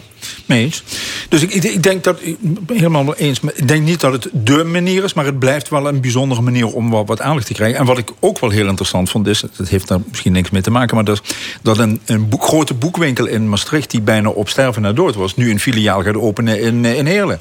Dus er is wel weer aandacht. En als ik in de stad loop en ik zie daar nog een boekwinkel, dan, dan loopt er altijd wel. Loopt er altijd wel gelukkig volk. Er wordt altijd nog wel wat gekocht en gelezen. Ja. Wat vinden jullie eigenlijk van het thema van de Boekenweek? Eerste liefde. Ja, ik vind het, vooral het woord liefde passend op deze tijd. Echt waar. We hebben ellende gehad, twee jaar lang corona. Iedereen leeft op zich. Hè? Uh, geen familiebezoek, noem maar op. Uh, de Oekraïnse oorlog nu. En als je zo'n thema hoort, dan niet alleen de eerste, uh, eerste liefde, oké, okay, dat, dat kan. Maar als je alleen het woord liefde ziet, dan denk ik, oh, wat een opluchting. Lente komt eraan. En ja, ik vind het hartstikke positief en goed uitgekozen. Echt waar. En ik zag een paar boeken. Ik heb, ja, wat ik heb gezien, die heb ik al. Maar het is interessant en passend met deze tijd. Dus dat hebben we gewoon nodig. We hebben liefde voor elkaar nog zelfs nodig. Ja. We, we, zijn bijna uit elkaar gegroeid. Met, met de buren gewoon zwaaien of een praatje van de ene stoep naar de andere. Ah, bioscopen zijn leeg, theater is leeg. Het vertrouwen mensen naar elkaar toe is nog niet optimaal. Gisteren gaf ik een mevrouw een hand, gaf hem meteen een elleboog. Toen ik even schrok. Dat is toch voorbij, de, de, ja. de corona. Maar Bra toch... bracht, bracht het jou ook weer terug naar je eerste liefde? Moest je eraan denken? Toen Ja, absoluut. Ja? ja? echt waar. Ja. Dat, dat, brengt terug. En ja, het is een vrolijk gevoel. Of ja, een positieve energie. Het is en dat goed, hebben we nodig. Dat hebben we echt nodig op vandaag. Bracht het jullie ook terug in gedachten weer van eerste liefde? Zeker, Even... Zeker. Zeker. kan niet anders. Ja. En ik, vond het, ik vind het een, een, een, goed thema, want ik heb de andere thema's dan maar eens bekeken. en er zaten er een paar bij dat ik denk van hoe is ooit dat door... Waarom hebben we er nooit over gesproken hier aan tafel... dat dat een waardeloos thema is op het Dus ik vind dat wel kun, kun je nog zo'n thema herinneren? Ja, ik heb hier het lijstje liggen. Als oh ja? ja, Duitsland was ik nog te zaken ja, geloof ik. Nou, ik dacht, het is wel sinds jaren voor het eerst in mijn eerste associatie uh, de, de meest positief. Vorig jaar was het tweestrijd. Uh, in 2020 rebellen en dwarsdenkers. Hmm. 2019 de moeder, de vrouw. En in 2018 bijvoorbeeld natuur. En ik dacht wel, bij eerste liefde zou misschien wel een veel groter deel van de bevolking zich aangesproken kunnen voelen. Um, als je denkt de moeder, de vrouw, dat in mijn beleving is dat natuurlijk uh, nou, maximaal 50% en misschien nog wel minder. De, ik weet niet of dat mannen aan zou spreken. Misschien heb je hebt allemaal moeder. Maar dat ik wel dacht van deze vond ik wel positief. Ja, 2016, Duitsland was ik nog te zaken hatte. Ja. Uh, ja, dus ik dacht, nou, dit is misschien wel een algemeen en ook lekker een positieve. En je hoopt dat iedereen van de bevolking een eerste liefde of eerste liefdesgevoelens heeft gehad. En, daar even. En een voorspellende, voorspellende waarde. Hè? Vorig jaar Precies. tweestrijd. Uh, we zien wat eruit gekomen is Precies. aan de huidige kant. En nu eerste liefde, dus nou, voor een mooi jaar. Dat, geeft hoop. Dat geeft hoop. Zeker. Dat geeft hoop. Ja, sinds een week of zes zijn de meeste uh, cultuurinstellingen weer open. Maar het publiek loopt niet bepaald warm. Um, vooral theaters, klassieke concertzalen en de musea. Ja, daar komt, daar komt weinig volk op af. Ja. Verklaarbaar. Ja. Bijna niet. Oh. Op onderdelen. Dus volgens mij zou het genuanceerd moeten zijn. Volgens mij blijft een bepaalde categorie leeftijd achter in die uh, musea en in schouwburgen enzovoort. Jeugd en ja, precies. De, de popfestivals dan loopt het uitstekend ja, mee. De, de, de concertzalen. Ja. klopt. En andere niet. En dan, dan praat je er met wat mensen over. En sommigen zeggen, ja, dit is al drie keer uitgesteld. Ik heb, uh, ik heb het even gehad. En anderen zeggen, ik heb andere prioriteiten. Ik wil eerst naar familie en ik wil eerst voor gezellig eten. Dus uh, ik zie ook dat de avonden van een jaar geleden van elke avond leeg, nu elke avond bijna bezet is. Dus uh, we gaan andere prioriteiten stellen. Ik maak me daar niet zo'n zorgen om. Nou, ik dacht eigenlijk wel dat er misschien twee mogelijke verklaringen waren. Maar um, ik kan het ook mis hebben. Ik, wat ik om me heen hoor, want uh, ik dacht, ik zou het dus navragen. Zijn, sommige mensen die lazen ook van de week... Uh, de koopkracht, de inflatie is gestegen. De koopkracht is achteruit gegaan. Um, het is niet goedkoop, een avondje theater per se. Nee, dat geldt niet voor alle bezoeken. Dus sommigen houden gewoon even de portemonnee dicht. En ik spreek ook nog best veel mensen... die toch nog niet helemaal uh, ja, gemakkelijk zitten in een, uh, in een ruimte... met uh, heel veel mensen bij elkaar. Corona. Um, of dat de verklaring is, maar ik, dat zou mee kunnen spelen. In ieder geval ben ook met je eens dat zeker bepaalde doelgroepen daar veel minder last van uh, Vorige week Museum Fellow was uitverkocht kunnen geen kaartjes krijgen. En dat heeft denk ik ook met corona... dat ze toch nog steeds een beetje voorzichtig zijn... voor een bepaalde aantal bezoekers en klaar. En het leeftijd, dus die jongeren die gaan naar uh, festivals... en de ouderen die, die, ouderen die willen wel naar theaters. Maar de thema's... Eerste liefde. Eerste liefde. Hartelijk dank. Heetje Harzi, Ingeborg Dijkstra en Wim Haan. En dit was de stemming. Vandaag gemaakt door Edwin Maas, Anje Fons Geraerts en Frank Ruber. Graag tot volgende week zondag om 11 uur. En zo meteen hier op LN Radio Sport en Co. Ik wens u nog een mooie zondag.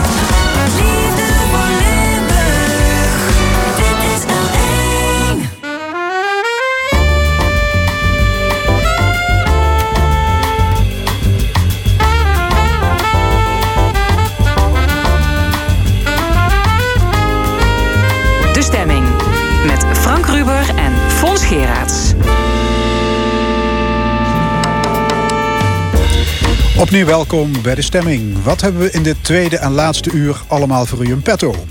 Over zo'n 25 minuten discussieert het discussiepanel over zuinig met gas, de reactivering van vliegbasis De Peel en het mondkapjesdebat. Er is een column van Jos van Wersch, maar eerst bewindsvrouw Vivianne Heinen. De enige Limburger in het kabinet Rutte 4. Ze was wethouder in Maastricht en nu staatssecretaris van Verkeer en Waterstaat met zo'n 100 dagen op de teller. Het is een journalistending om dan een eerste balans op te maken. Aan tafel bij ons Vivianne Heinen. Mevrouw Heinen, welkom. Dank u wel. Ik wil met het allerergste beginnen. De ellende op het spoor. Afgelopen zondag. Uh, ja, toen liep alles in de soep hè, door een storing in het uh, eh, IT-systeem. In heel Nederland liep niet één trein. Wat vindt u daarvan? Ja, ja, er liep inderdaad geen één trein van de NS. Ja, ik heb uh, daar ook uh, wel wat uitspraken over gedaan. In het vragenuurtje in de Tweede Kamer bijvoorbeeld. Hè. Ik heb ook gezegd dat ik vond dat uh, de NS op dat punt echt onder de maat heeft gepresteerd. Het is een groot probleem geweest voor vele reizigers. Um, er is een groot beroep gedaan op de, op de zelfredzaamheid van reizigers. Hè. er was een Kamerlid van GroenLinks die vroeg ook van... maar hoe zit het dan met de kwetsbare mensen? ja, iedereen moest zelf naar huis En waarom, waarom zijn er geen bussen ingezet? Voor, van ja, nou ja, dat is dus een vraag die ik ook gesteld heb. Kijk, en het is natuurlijk allemaal heel complex, dat snap ik ook. Hè. Het is een heel groot systeem. Het is heel geconcentreerd. Hè. Het is een, heel intensief gebruikt systeem. Dus je moet natuurlijk ook zorgen dat als je rijdt, dat dat veilig kan. Uh, maar uh, ja, ik ben altijd iemand, uh, als dingen niet kunnen, dan probeer ik toch altijd te kijken wat kan er dan wel. Maar er kon dus helemaal niks. En uh, nou ja, ik heb met de NS ook gesproken. Ze zijn bij mij langsgekomen, de directie. Ze zijn het overigens ook al eens. Hè, dat, ze hebben ook een excuses aangeboden aan de reizigers. En uh, ja, beterschap beloofd. En onderdeel van uh, ja, ook beterschap beloven, dat is volgens mij in de eerste plaats heel belangrijk dat ze gewoon toegeven van het moet beter. He, uh, want je kunt natuurlijk ook ervoor kiezen om te zeggen van ja, maar ja, er waren allerlei omstandigheden. Nee, ze hebben gewoon gezegd het moet beter.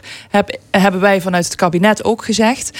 En dan is het ook goed, dan heb je dat met elkaar besproken en dan kijk je weer vooruit hoe het beter kan. Oké, u heeft gewoon de president-directeur van de NS op uw kamer ja, ontboden. Die heb ik uh, gevraagd om meteen langs te komen. Mevrouw ja. Rental, ja. ja. Ja, het kan natuurlijk gebeuren, zo'n storing in het computersysteem. Maar dan zou je verwachten dat er een noodplan in werking treedt. Ja. Nou ja, ze hadden dus inderdaad een, uh, een ja, dat, dat zou je dus verwachten. Dus dat zijn ook maar allemaal is er überhaupt een plan B?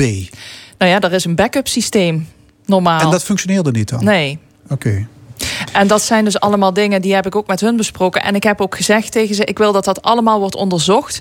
En dan wel ook onafhankelijk. Want uh, ja, je moet natuurlijk ook zorgen dat de uitkomsten van zo'n onderzoek. Uh, ja, die kijken natuurlijk vooral heel erg terug. Maar we hebben ook gezegd van er moet ook gekeken worden hoe voorkomen we dit. Ja, want hoe groot is de kans op herhaling? Ja, nou ja, misschien op dit uh, moment, as we speak, weer de boel plat ligt. Nou ja, dat, dat, je, je moet dus kijken hoe weerbaar zijn die computersystemen. Hè? Hoe afhankelijk ben je daar ook van? Ja. Kamerleden die vroegen bijvoorbeeld ook van... is het niet toch verstandig om weer wat meer in gebiedjes te gaan werken? Hè? Want nu is het één groot systeem. En als dat dus crasht, dan crasht dus, uh, crashen alle treinen van de NS. Uh, um, zeg maar dat, of tenminste kunnen ze niet rijden.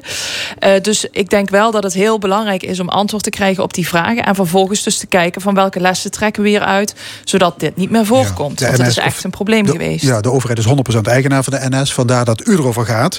Het is wel een hoofdpijnportefeuille, hè?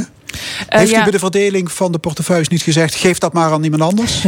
nou, uh, Mark Halbers, doe het lekker zelf. Ja, uh, nou de, de aandeelhouder, het aandeelhouderschap... dat zit wel bij financiën. Dus dat is bij Sigrid Kaag. Maar ik ga dus echt over de afspraken die we hebben... over hoe het systeem wordt ingeregeld. Dus dat betekent dat bijvoorbeeld ook um, de Arriva-treinen... maar ook, um, dat het is dan hier in Limburg natuurlijk... en ook de bussen, dus alle openbaar vervoer... dat valt bij mij in portefeuille portefeuille, ja. maar ook fiets. Ja, ja, u zit sowieso met een, met een volle portefeuille. Hè? Ja.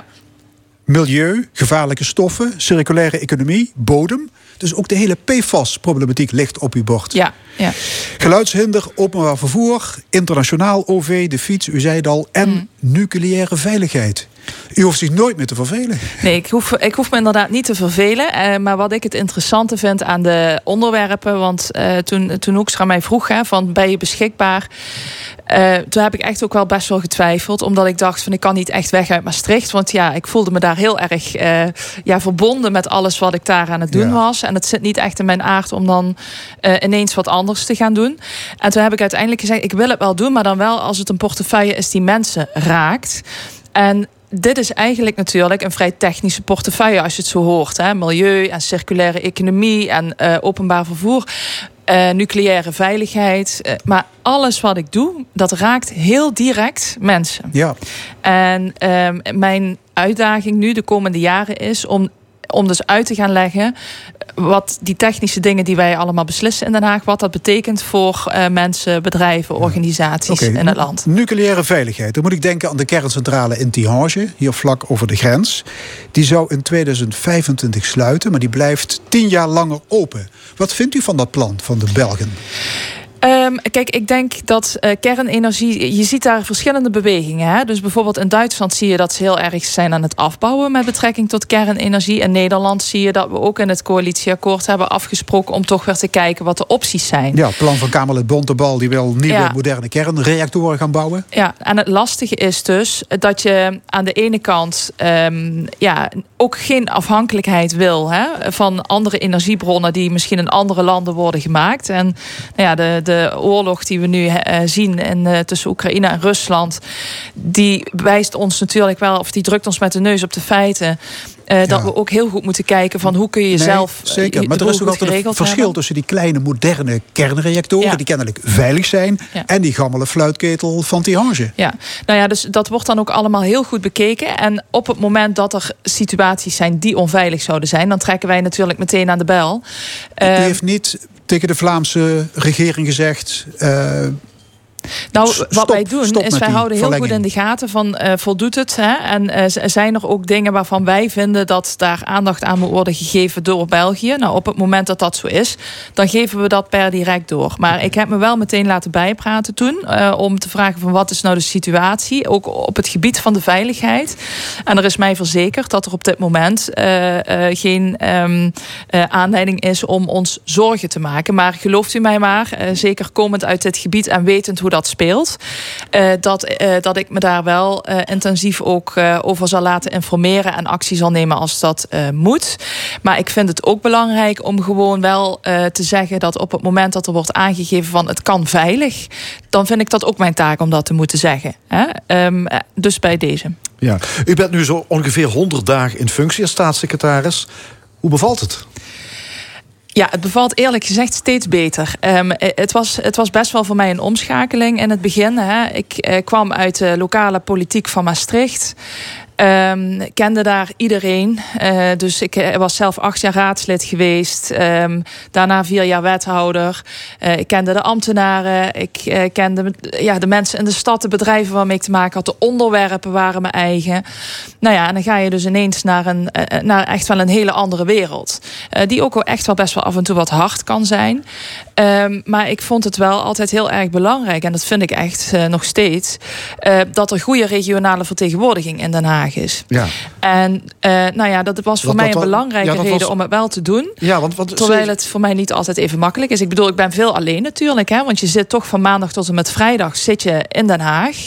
Um, en dan ga je na het werk naar je appartementje en dan zit je daar vervolgens weer te ploeteren ja, de avond door. Dan krijg je, de, dan krijg je vaak de tas mee. Dat is een, eh, een hele grote joekel uh, die van, uh, van voor tot achter nog met stukken gevuld wordt die je dan in de avond kunt afdoen. Tegenwoordig dus, gaat wel dus veel digitaal. Netflix zit er niet in? nou, dat is wel wat zeldzamer geworden, ja. ja. ik begrijp dat CDA-leider Wopke Hoekstra u persoonlijk heeft opgezocht hier in Maastricht... om naar Den Haag te komen hè, met, met die vraag. Ja. Hoe kwam hij bij u terecht? Ik neem aan dat hij niet elke wethouder uh, van Nederland kent, elke CDA-wethouder. Hoe, hoe, kende hij Viviane Heijnen? Ja, hij heeft uh, in zijn eigen netwerk ook wel uh, rondgevraagd. Ik kende zijn persoonlijk medewerker um, ook bijvoorbeeld wel wat beter. En hij is een. hij is een tijdje geleden ook een werkbezoek komen brengen aan Limburg. En um, ja, daar hebben we hele mooie projecten bezocht. En hij kwam blijkbaar een beetje kijken hoe ik was. Maar ik was ook heel erg aan het kijken van hoe is hij nou? Uh, dus ik had een heel programma voor hem gemaakt... waarbij we naar een voetbalwedstrijd zijn gaan kijken. We zijn naar een uh, heel mooi project geweest... waar mensen um, uh, zeg maar weer terug worden begeleid richting de samenleving... maar waar ze nu nog beschermd kunnen wonen.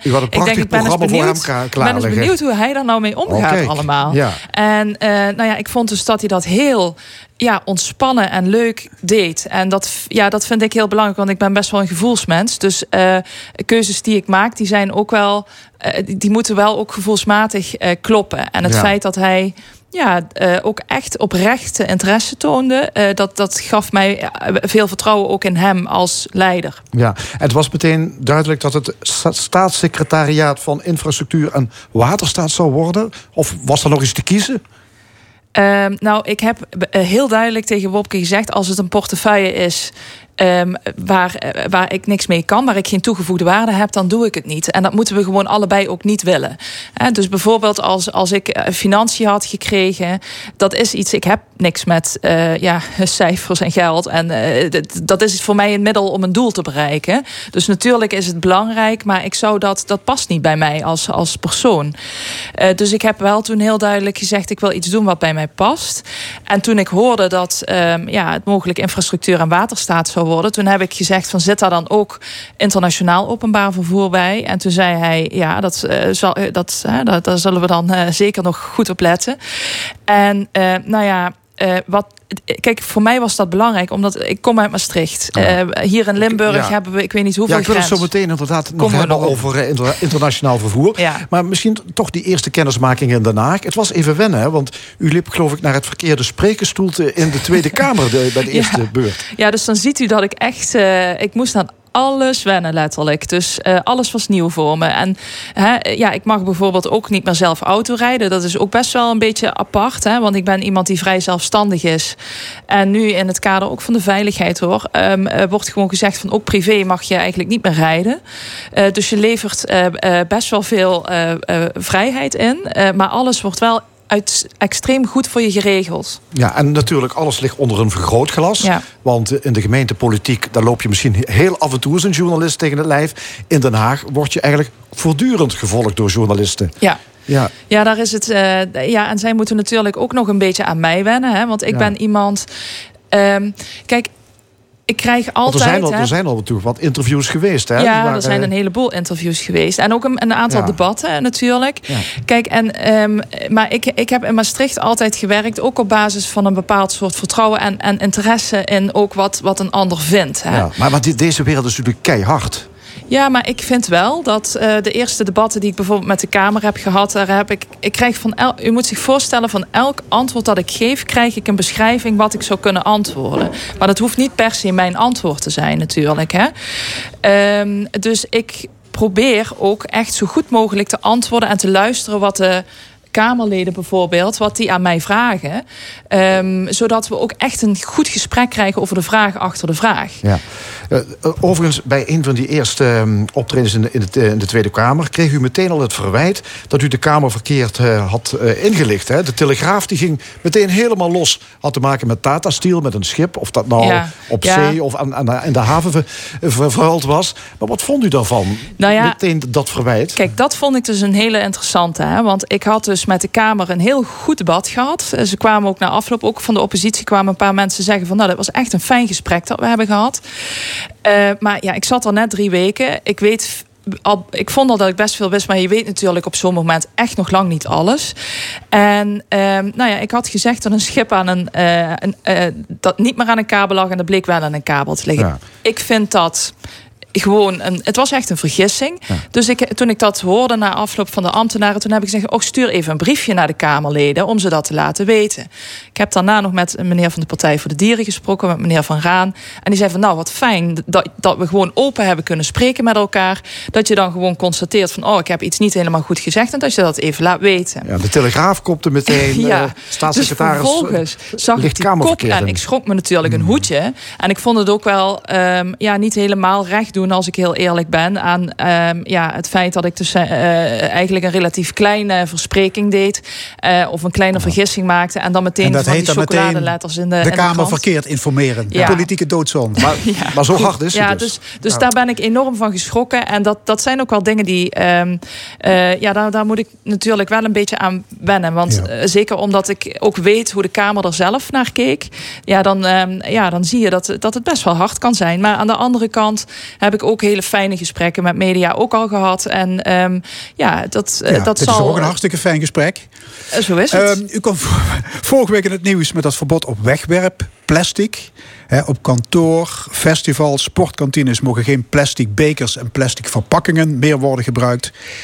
Uh, heeft u dat zelf bedacht of is dat gewoon uitvoering van Europees beleid? Nou ja, een, het is eigenlijk twee dingen. Het is sowieso Europees gezien willen we af hè, van de plastic soep. Ja. En uh, mijn voorgangster, Stientje van Veldhoven, die heeft daar ook heel veel um, uh, aan gedaan om, om bepaalde dingen in gang te zetten. Want ik moet natuurlijk uh, wel eerlijk erbij zeggen dat bepaalde dingen die ik nu doe, hè, zoals bijvoorbeeld dat verbod op plastic, dat is iets wat natuurlijk al ook voor mijn tijd in gang is gezet.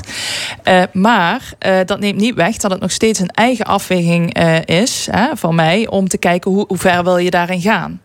En het is niet zo dat overigens alle plastic verpakkingen of, of alle plastic bekers bijvoorbeeld niet meer mogen, maar je, je mag ze niet meer gratis verstrekken. En um, dat gaat echt wel leiden tot een flinke afname in het aantal ja, plastics die in het milieu terechtkomen. En Weet u, ik denk dat we allemaal vinden, hè, daar hoef je uh, uh, niet meteen uh, van de allerduurzaamste partij ooit voor, voor te zijn. Mm. maar iedereen vindt dat we op een betere manier met ons milieu moeten omgaan en dat we dat moeten beschermen. Want iedere dag worden 19 miljoen plastic bekertjes en maaltijdverpakkingen weggegooid. Ja. 19 miljoen? Ja, 19 miljoen per dag in Nederland. Hè. Geldt dit verbod ook voor de supermarkt? De plastic verpakte komkommer? Ja, nou ja, dat is, dus bijvoorbeeld iets dat hier niet onder valt. Okay. En ehm, dat is wel, dat is nou zo'n maatregel waarvan ik me heel goed kan voorstellen dat we eens gaan kijken. Hè, want andere landen doen dat bijvoorbeeld wel. Van, uh, is dat iets wat we ook moeten willen? Uh, wat zijn de redenen waarom we dat op die manier uh, wel nog aanbieden?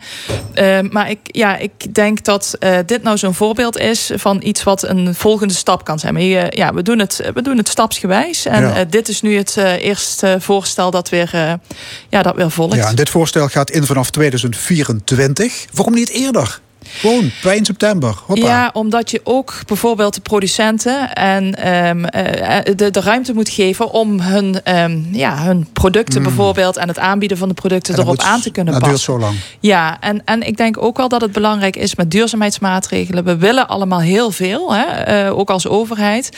Maar je moet wel zorgen dat je iedereen er goed in blijft meenemen. Want anders dan krijg je ook dat het draagvlak uiteindelijk minder groot wordt. En we willen net zorgen dat we stap voor stap wel vooruit gaan. U gaat ook over uh, het milieu, maar ja. niet over het klimaat. Dus u heeft wel raakvlakken met de stikstof-ellende. Uh, ja, en uh, dat, dat klopt. Dus ik heb veel contact ook met Christiane van der Wal. Maar klimaat, dat zit dan weer. Uh, klimaat zit ook bij, bij Rob Jetten. Hè? En daar heb ik ook heel veel contact mee. wat wij bijvoorbeeld doen, want hij heeft een heel groot klimaatfonds. En wij zijn zeker vanuit circulaire economie en duurzame mobiliteit heel erg met Rob Jetten samen aan het kijken of wij nog uh, extra megatonnen uh, kunnen leveren om ervoor te zorgen dat, ja, dat we echt een grote milieuwinsten gaan boeken. Hmm. Ja, u heeft woensdag koffie gedronken met Maxime Verhagen, de baas van Bouwend Nederland. Ja, klopt. Dat ja. ging in het Limburgs plat, neem ik aan? Uh, nou nee, en, ja, er waren ook nog andere mensen bij. Maar oh, okay. het is wel altijd heel erg leuk om te zien. En, maar dat geldt niet alleen voor, voor Limburgers die ik in het Haagse tref. Maar je merkt vaak dat als mensen dan weten dat ik uit Limburg kom, dat ze even over uh, een, een, reis beginnen of, of iets leuks wat ze in Limburg. Mensen hebben heel vaak leuke herinneringen ja, ja, ja. of leuke ervaringen die ze met Limburg hebben. Tenminste, die delen ze dan met ja, dus. Maar Verhagen wil daadkracht zien van het kabinet. Hè? Hij wil bouwen, bouwen, bouwen. Heeft u hem nog op andere gedachten kunnen brengen? Nee, maar wij willen allemaal bouwen. Hè? Uh, maar we moeten wel zorgen dat we dat doen op een manier uh, dat we toch ook kijken naar hoe gaan we dat doen met, met bijvoorbeeld die stikstof. Precies. En daar zijn we volop over in, in, in gesprek natuurlijk ook met, uh, ja, bijvoorbeeld, ik was afgelopen week nog in Deurne uh, bij, uh, bij een boerenbedrijf, maar ook in, dat is een gebied met heel veel intensieve veeteelt bijvoorbeeld. Hè.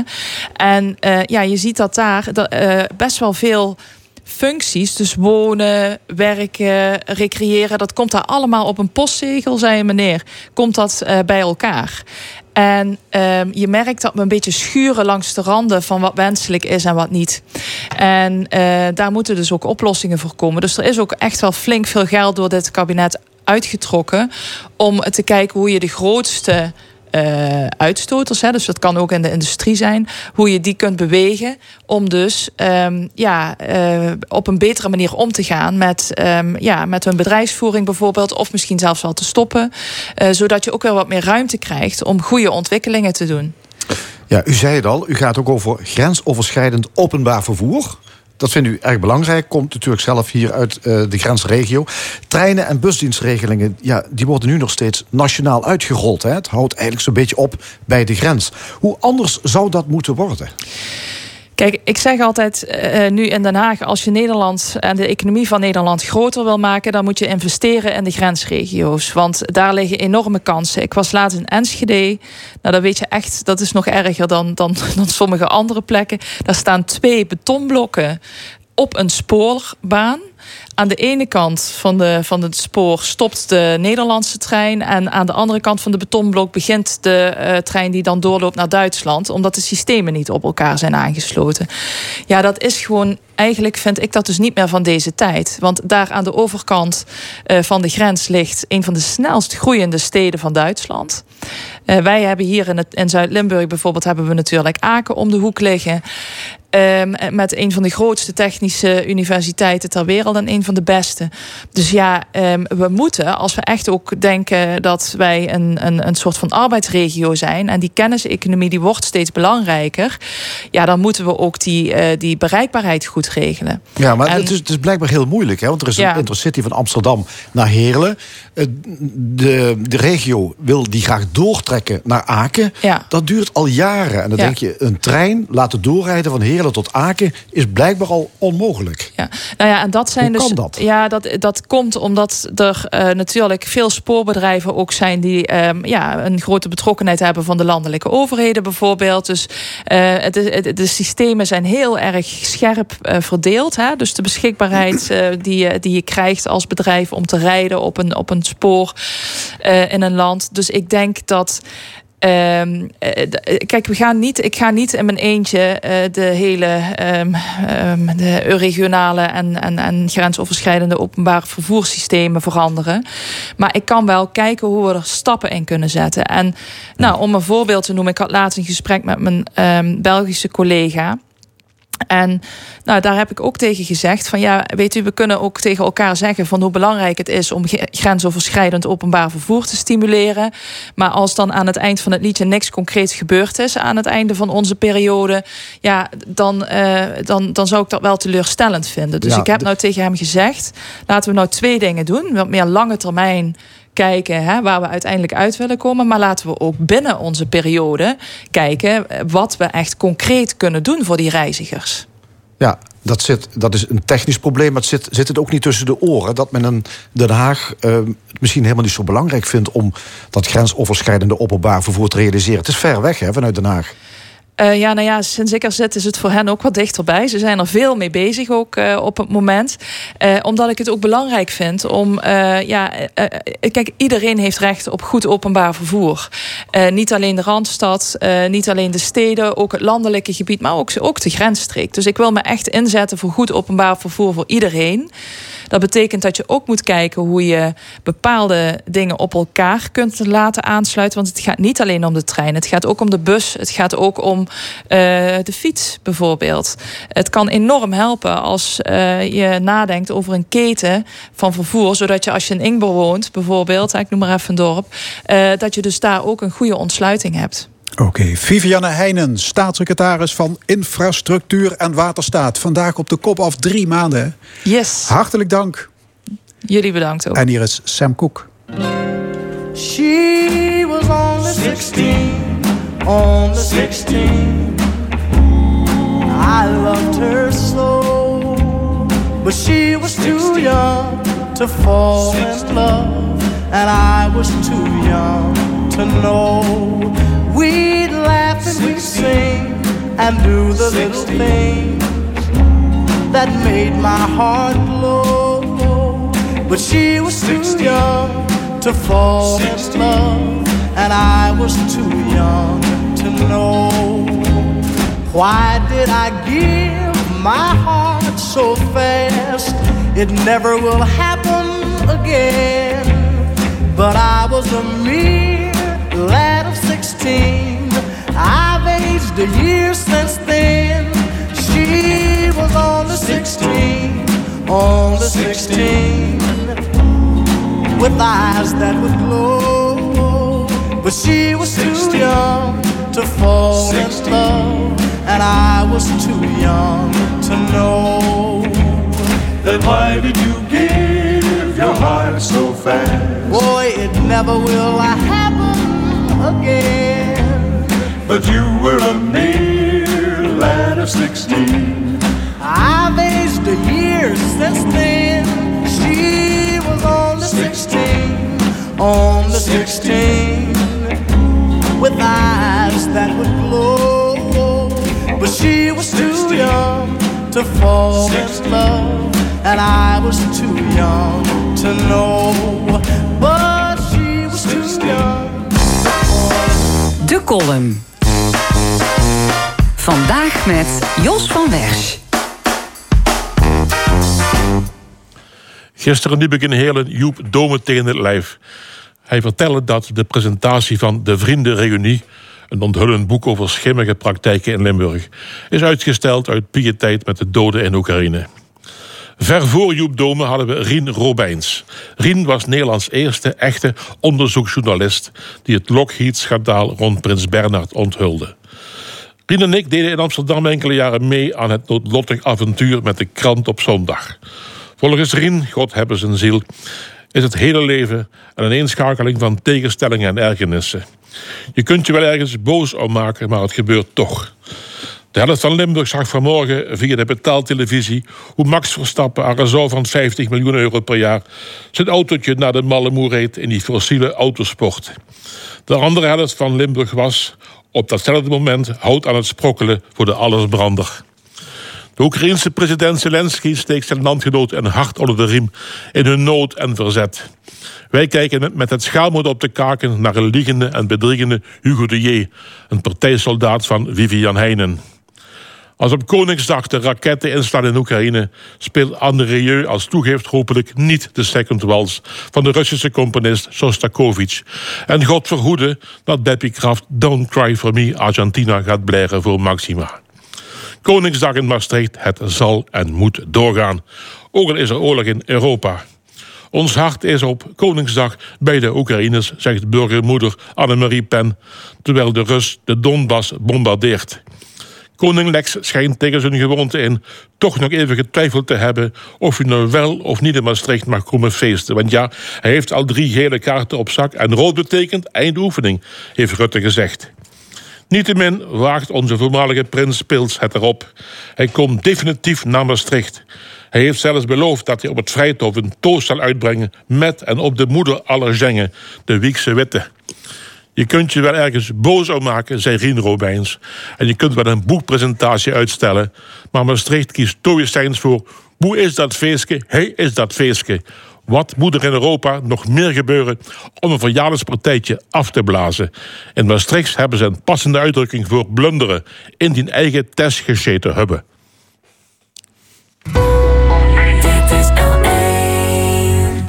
De column van Jos van Wers. In het opiniepanel bespreken we de nieuwe overheidscampagne om energie te besparen, verzet tegen de reactivering van vliegbasis De Peel, de Boekenweek en meer. De panelleden van vandaag zijn recruiter Wim Haan, ombudsvrouw Heetje Harsi en pedagoge Ingeborg Dijkstra. Welkom alle drie. De energierekening wordt hoger en hoger, tenminste voor degenen die uh, geen langlopend contract hebben. De overheid is begonnen met een campagne om energie te besparen. Ook om minder afhankelijk te worden van gas uit Rusland. Wat vinden jullie van, van zo'n campagne? Altijd nuttig, ja, altijd nuttig, altijd goed. In mijn gemeente zelfs een eh, cadeaubon uh, uitgegeven voor uh, isolatiematerialen en uh, spaarlampen en zo. Is positief, een beetje laat. Dat verzacht de pijn niet. Maar het is tijd om echt bewust te worden van wat gebruiken we allemaal en is dat wel uh, nodig en waarom hadden we het niet veel eerder gedaan. En nu is het tijd om echt uh, los te komen van, van gas. Ja, dus goed voor de portemonnee en goed ook voor de voor bewustwording. Milieu, voor mens, voor, voor, voor, mens, voor natuur en voor, uh, voor het milieu, voor alle drie. Ingeborg, tekst ja, Nou, ik denk zeker dat het goed is. Ik uh, pleit altijd, zowel in de opvoeding, zeg maar, in het onderwijs als in de maatschappij als geheel, voor ook kijken naar wat je zelf kunt doen.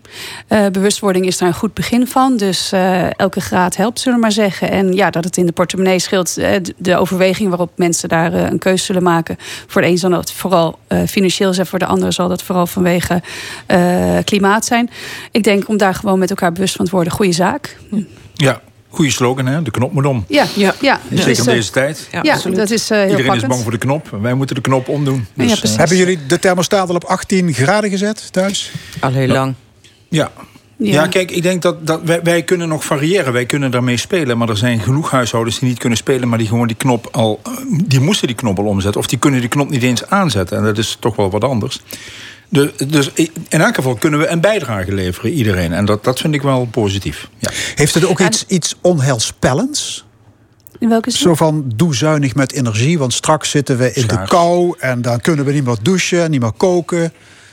Nou, nee, dat, zo heb ik niet. Dat, nee, nee, daarom Ik, dat heb ik niet zo ervaren. Het is meer echt, ik geloof eerder dat het de bewustwording is en dat het echt elke ja, draaiende knop kan schelen.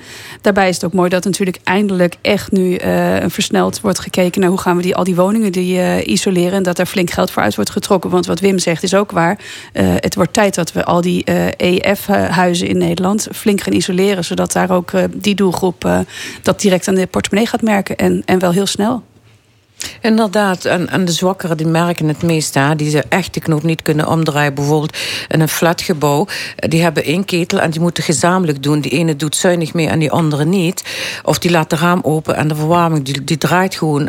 En dan merk je heel goed van... Goh, uh, wooncoöperatie, waar ben je mee bezig? Waarom heb je dat überhaupt uitgevonden. Want je kan niet de kraan dichtgooien voor iedereen. Dus het is nog gemengd, maar de bewustwording moet nog veel meer gebeuren. Echt, dat moet veel meer. Ja. Ja. Vinden jullie dat Nederland en eigenlijk de hele Europese Unie zou moeten stoppen met de import van Russisch gas? Dat vind ik, ja. Maar het gebeurt niet. Dat kunnen we met z'n allen vinden. Maar dat, dat, dat, dat is nou echt een stap te ver. Uh, zou je echt willen helpen, zou je echt een daad willen doen met impact, dan zou dat nadrukkelijk plaats kunnen vinden. Maar dan zie je dat, en dat zie je bijna in alles, ook in de onderwerpen die straks aan tafel komen, dat er altijd wel een economische factor een rol speelt. Die net weer even wat urgenter, belangrijker of een combinatie van dat soort zaken een rol speelt. Dus als je nou echt iets wil doen, als je nou echt. Maar dat doen we dus niet. Maar is, het, is het ook... Ja, heet je Ja, als we de Russische gas stoppen... hebben we een alternatief, bij wie gaan we het kopen? Zijn ze, zijn ze ook betrouwbaar? Dus het moet echt heel goed uh, bekeken worden... en nagekeken van hoe gaan we verder... en wat is het alternatief? Ik ben meer van de bewustwording. Gebruik wat je zelf hebt en wat je zelf kan gebruiken... en dan verder uh, gaan kijken. We kunnen voor Algerije gaan pakken, maar klopt dat? Ja, onze minister van Energie die denkt aan import van vloeibaar gas uit Amerika. Maar ja, de vraag is of je het daarmee, of je het daarmee redt. Hè? Ik bedoel, zonder Russisch gas zullen we toch onze inspanningen op het gebied van de energietransitie moeten intensiveren. Juist. Of niet? Anders redden we het toch niet? Ja, ja precies. Ja. Ja, als, je, als, je, als je de, de minister hoort, dan zijn... Ik vind het altijd lastig als er drie redenen zijn. Volgens mij is er één belangrijke reden. En de, de reden is natuurlijk... het is goed voor je portemonnee om nu uh, zuinig aan te doen. De tweede is het is voor het klimaat. En de derde, we willen wat minder afhankelijk zijn. Dat is het riedeltje wat steeds naar voren komt. Uh, volgens mij zou het belangrijkste moeten zijn... Dat, dat we naar een andere toekomst willen... en dat we dus andere bronnen moeten hebben. Maar dat, dat, dat, ja, je zei net, het is ook voor het klimaat. Maar ik heb begrepen dat steenkool aan een revival bezig is. Want dat betekent extra CO2-uitstoot. En dat kan toch niet de bedoeling zijn? Er is net een nieuw alarmerend VN-rapport over het klimaat verschenen. dan zie je hoe belangrijk eh, we afhankelijk zijn geweest... en hoe makkelijk we zijn geweest van eh, de, de, de gemakzucht... en het goedkoop zijn van het invoeren van gas... ongeacht wat de achtergrond van dat land is, bij wijze van spreken enzovoorts. Want als je, als je dat op de korrel gaat nemen... dan inderdaad dan kun je uit, een aantal landen niets meer uh, betrekken. Uh, dus hoe zuiver zijn we wat dat betreft? Maar volgens mij gaat het om een nieuwe toekomst die we voor moeten geven. En dan, dan kan misschien kernenergie wel opeens een belangrijke rol spelen. Ja. Dat kan dus gewoon goed uitzoeken. Dus ik, ik ben ook geen voorstander. Je, je verlos je van de ene land, ga je afhankelijk maken van een andere land. Waar haalt Amerika dan eh, eh, echt puur uit de US, die vloeibaar gas? Daar kan ik me niet bij voorstellen. Dus dat komt ook van andere landen. Komt ook ellende erbij. Dus ik zou zeggen, ja, ga eens onderzoeken. Hoe zit het met de kernenergie? Hoe gaan we daar? Is, zijn er genoeg studies daarover? Uh, zijn, is er draagvlak daarvoor? Uh... Ik denk dat het draagvlak steeds uh, belangrijker wordt. Ik denk dat we nu echt in die, die, die gamechanger kunnen zitten... om daadwerkelijk door te pakken op die manier. Maar nogmaals, met één argument. We willen naar een betere uh, eigen toekomst toe op die Juist. manier. Voordat het weer een businessmodel wordt. Hè? Inderdaad. ja. We gaan naar uh, De Peel. Uh, daar ligt een uh, slapende vliegbasis. En de luchtmacht die wil die basis opnieuw in gebruik gaan nemen als vliegveld. Militair vliegveld dus. Omwonenden en de gemeente vrezen geluidsoverlast. Grote gevolgen voor de geestelijke gezondheid. Wat vinden jullie? Kun je het mensen aandoen om een militair vliegveld te reactiveren? Doodse stilte. Ik hoor dat, in, uh, dat, dat, in die provincie. Ja, kun je het mensen aandoen? Er, er, wordt onder, er worden onderzocht. Hè? En volgens mij, uh, links en rechts hoor je ook dat de weerstand minder dan verwacht is tegen dat soort zaken. Dus het momentum is er van jemine. Als wij van de ene kant want we zijn een beetje zeur- en zanikland. Van de ene kant zeggen onze uh, militaire uh, exposure stelt niks voor. En we willen op deze manier investeren door, wat is het, drie weken per jaar vliegbewegingen toe te staan op zo'n vliegveld, hè, dat, dat, gesloten is. Ja, dan, dan is nu bij sommige mensen, ja, wij, wij moeten ook onze bijdrage leveren. Dan is overlast helaas maar even mee te nemen. Dat is dan 18, 18, weken per jaar trouwens. Ja, precies. Het, is, uh, het is gekaderd. En ik denk dat dit lijkt me weer typisch een voorbeeld van... wat Wim zegt is ook waar. We, willen op, hè, we moeten ook, ik, meer investeren in defensie als geheel. Uh, iedereen wil het, maar ja, niet in je eigen achtertuin en not in my backyard. Dat, eh, dat, ja, dus ik denk um, dat je op weerstand kunt rekenen, maar het moet goed onderzocht worden. En als ik dan bekijk hoe gespecificeerd is, hoe vaak en in periodes dat dan die vluchten gedaan worden, denk ik van, nou ja, laat maar eens goed uh, onderzoeken wat dat werkelijk voor gevolgen zou kunnen hebben voor de omwonenden. Ja, nou, er komen Joint Strike Fighters, hè, dat is die ja, nieuwste generatie straaljagers. Ja, zeker. Hercules transportvliegtuigen. Ja. Nou, dan weet je wat je op je dak krijgt, hè? Ja. ja. Allemaal net iets minder dan AWACS, volgens mij. Oh, ja. Ja. ja, dus... ja. ja maar, maar, we willen ook andere landen helpen. Stel, we, ah, Oekraïne, we willen ze helpen van hier vanuit het Limburgse. is toch handig dat ze vanuit Frankrijk kunnen vertrekken? Ja. Zou Defensie uh, het moment ook aangrijpen? Zouden ze denken van als we het willen reactiveren, zo'n vliegveld, dan moeten we het nu doen. Want dit is. Dat is het moment. En daarom zijn ook voorstanders voor. Ja. En dat begrijp ik ook. Kijk, in mijn omgeving is iedereen is bang. Oekraïne is vlakbij. Ja. Stel voor komt het tot bij ons. Hoe dan? Hoe sterk is onze defensie? Hoe sterk is onze provincie? Worden we wel beschermd of niet? Persoonlijk zou ik voorstander voor zijn. Alleen voor het, het, stukje gevoel van veiligheid. Van defensie is hier. Ze doen hier oefenen. Ze, ze staan klaar ja, en diegenen die dat inderdaad niet in hun achtertuin willen hebben, met alle begrip. Ja, ja maar volgens mij, volgens mij komt er wel wat anders kijken. Namelijk dat we, eh, als we voor de gek gehouden worden met argumenten, of verkeerde argumenten, dan, dan krijg je tegenstand. Als je nou zou zeggen, we willen in Limburg een bijdrage leveren, en dat betekent dat we overlast hebben, dat er ergens even de volksgezondheid voor een bepaalde groep onder druk komt te staan. Als je dat op tafel legt, eerlijk en transparant. Maar als je het gaat proberen te redeneren dat het wel meevalt... en eigenlijk niet zo is, ja, dan, dan, dan komen er altijd twee verliezers uit. De verliezer van de omgeving en de verliezer van, van een overheid... die weer mensen voor de gek heeft gehouden. Ja. Het zorg voor overlast, het zorg inderdaad voor schade. Hoe kunnen we dat beperkt houden en hoe kunnen we bijdrage leveren? Als je die vraag stelt en je informeert erover... is er meer mogelijk dan, uh, dan iets stiekem doen. Ja. Dan hebben we straks weer een debat. Ja, de gemeente en ook eh, de dorpsraden die, uh, zijn eigenlijk tegen de komst van het vliegveld. Vanwege dus de geluidsoverlast. Uh, toch blijkt, de voorzitter van een van die dorpsraden die zei van als ik het onderwerp aankaart met mensen. Dan blijkt dat er ook gewoon mensen voor de komst van die, van die vliegbasis zijn. Verbaast jullie dat? Dat als je in, dus blijkbaar mensen die in de omgeving wonen, die zeggen van laat maar komen, het maakt mij niet uit. Nee, dat verbaast me niet. Ik denk dat dat met, met allerlei voorstellen zo kan zijn. En zeker het momentum is er nu wel. Het is natuurlijk ook zo dat dit voorstel al langer lag, hè, ruim voor dat, uh, gewoon uh, vorig jaar al. Maar ik denk dat uh, ja, mensen dat gevoel van veiligheid of het gevoel van oké, dan lever ik maar iets in. We weten allemaal dat we door de oorlog in Oekraïne op een bepaalde manier moet, moeten inleveren. Dat zou zo'n gedachte kunnen zijn van oké, als ik dan een paar weken per jaar of een aantal weken per jaar die herrie over mijn huis moet eh, horen, so be it. Maar als dat een gemeenschappelijk gevoel van veiligheid uh, creëert en bijdraagt aan een sterkere defensie, dan zijn denk ik mensen wel bereid om iets te doen. ja. ja. Deze week moest alweer een minister vechten voor zijn politieke leven. Ditmaal was het Hugo de Jonge over de mondkapjesdeal met Siewert van Linden. Hij overleefde een motie van wantrouwen, 72 tegen 52. Wat vinden jullie van de handelwijze van de vorige minister van Volksgezondheid?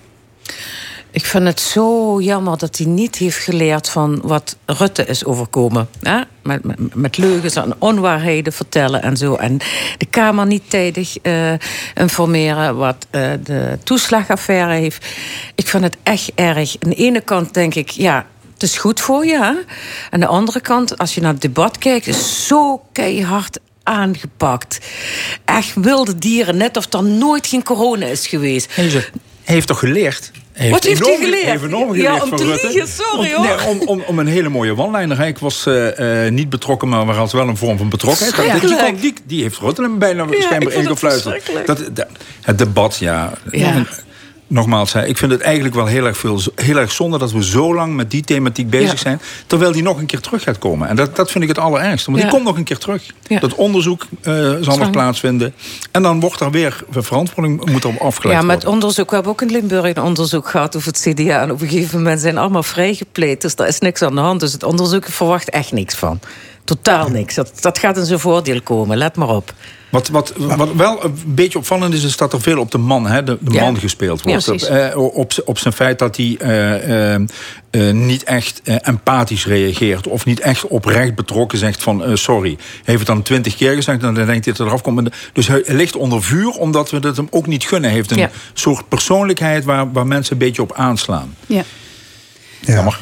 Maar goed, je, je, je citeerde net die quote van hem. Hè? Ik was niet betrokken, maar had wel betrokkenheid. Dat is toch een hoogst wonderbaarlijke uitspraak. Ja, ja. Neem, neem het parlement dan eigenlijk wel serieus als je zoiets zegt? Uh, Nee, nee, niet dus, want, daar kun je niks mee. Het klinkt ontzettend goed. Het, het, het, is de stof voor de, de praatprogramma's in de avond. En nu hier ook weer aan tafel. Maar de essentie waar het om gaat, uh, daar wordt niet doorheen geprikt.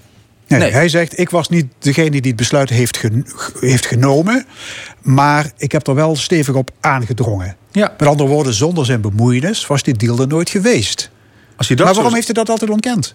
Ja, ja dat is het. Waarom? Dat zit ik me ook echt af te vragen. En dat bedoel ik met, hij heeft niks geleerd van zijn voorgangers. Waarom moet je iets achterhouden? Waarom?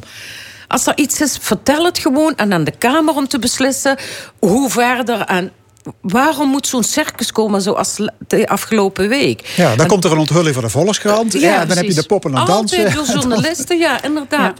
Waarom? Vanaf het begin, vanaf dag één... dat die meneer, zijn ze achtergekomen... dat hij een flinke wens op heeft gekregen... dan gaat hij zelf biechten, zelf vertellen... van dat en dat en dat is gebeurd. Ik vertel het nu, laat een onderzoek komen... maar dat is wat gebeurt. Dus ook, ook de burger, die zit zo lang te wachten... van de ene kant denk ik... ja, het is een goede minister, hij heeft gezorgd... dat mondkapjes komen. Dat het personeel in het ziekenhuis uh, veilig kan werken met die, met die mondkapjes. En daarna denk je, ja, maar waarom was hij niet open en eerlijk? Ja, en je weet dat dat toch vroeg of laat uitlegt. Nou, uit, ja, dat, is het. Dat, vind ik het ingewikkelde. En, als, en zeker eh, wat je dan ook denkt van hè, nieuwe bestuurscultuur, uh, open en eerlijk. Dat ik denk van er moet dus blijkbaar iets eerst aan het licht komen om die openheid te geven. Want ik denk dat als dat inderdaad uh, op dat moment gebeurd was, dat hij die deal, nou ja, de, een soort van betrokkenheid had bij de deal, zullen we maar zeggen. Als hij dan had gezegd en de, gewoon open en eerlijk. En dan misschien was het dus inderdaad niet de allerbeste beslissing geweest, maar dat daar nog een soort van, nou ja, uh, tolerantie was onder de bevolking. Om te zeggen van. Hmm. Ehm, want we snappen allemaal dat hij in een soort snelkookpan hele, uh, heel uh, ja, snel beslissing moest nemen. Mogelijk niet alle informatie kon hebben. Dat hebben we bij andere uh, mensen ook gezien. Maar die timing, dat ik echt dacht: mijn hemel, dan, komt er weer, dan komen die appjes en dan uh, moet hij met de billen bloot. Ja, dat is, ja. vind ik heel ingewikkeld. Ja. Plakje voor plakje, nieuwe, nieuwe openheid ja. van zaken. Ja, en Politiek Den Haag zou werk gaan maken van een nieuwe, frisse, transparante bestuurscultuur. Ja, zijn, we terug, zijn we terug bij af? Nou, we zijn, we zijn, we zijn nog niet gestart. We zijn, nee. Dus we zijn niet terug bij af. Omdat we, we staan nog op hetzelfde punt, heb ik het idee. Ja omdat hmm. dat natuurlijk ook wel, het is heel complex. Het zit zo complex in elkaar. Dus een structuur zorgt er ook voor op die manier. En ten tweede, we doen het nog altijd met veelal dezelfde mensen natuurlijk. Hè?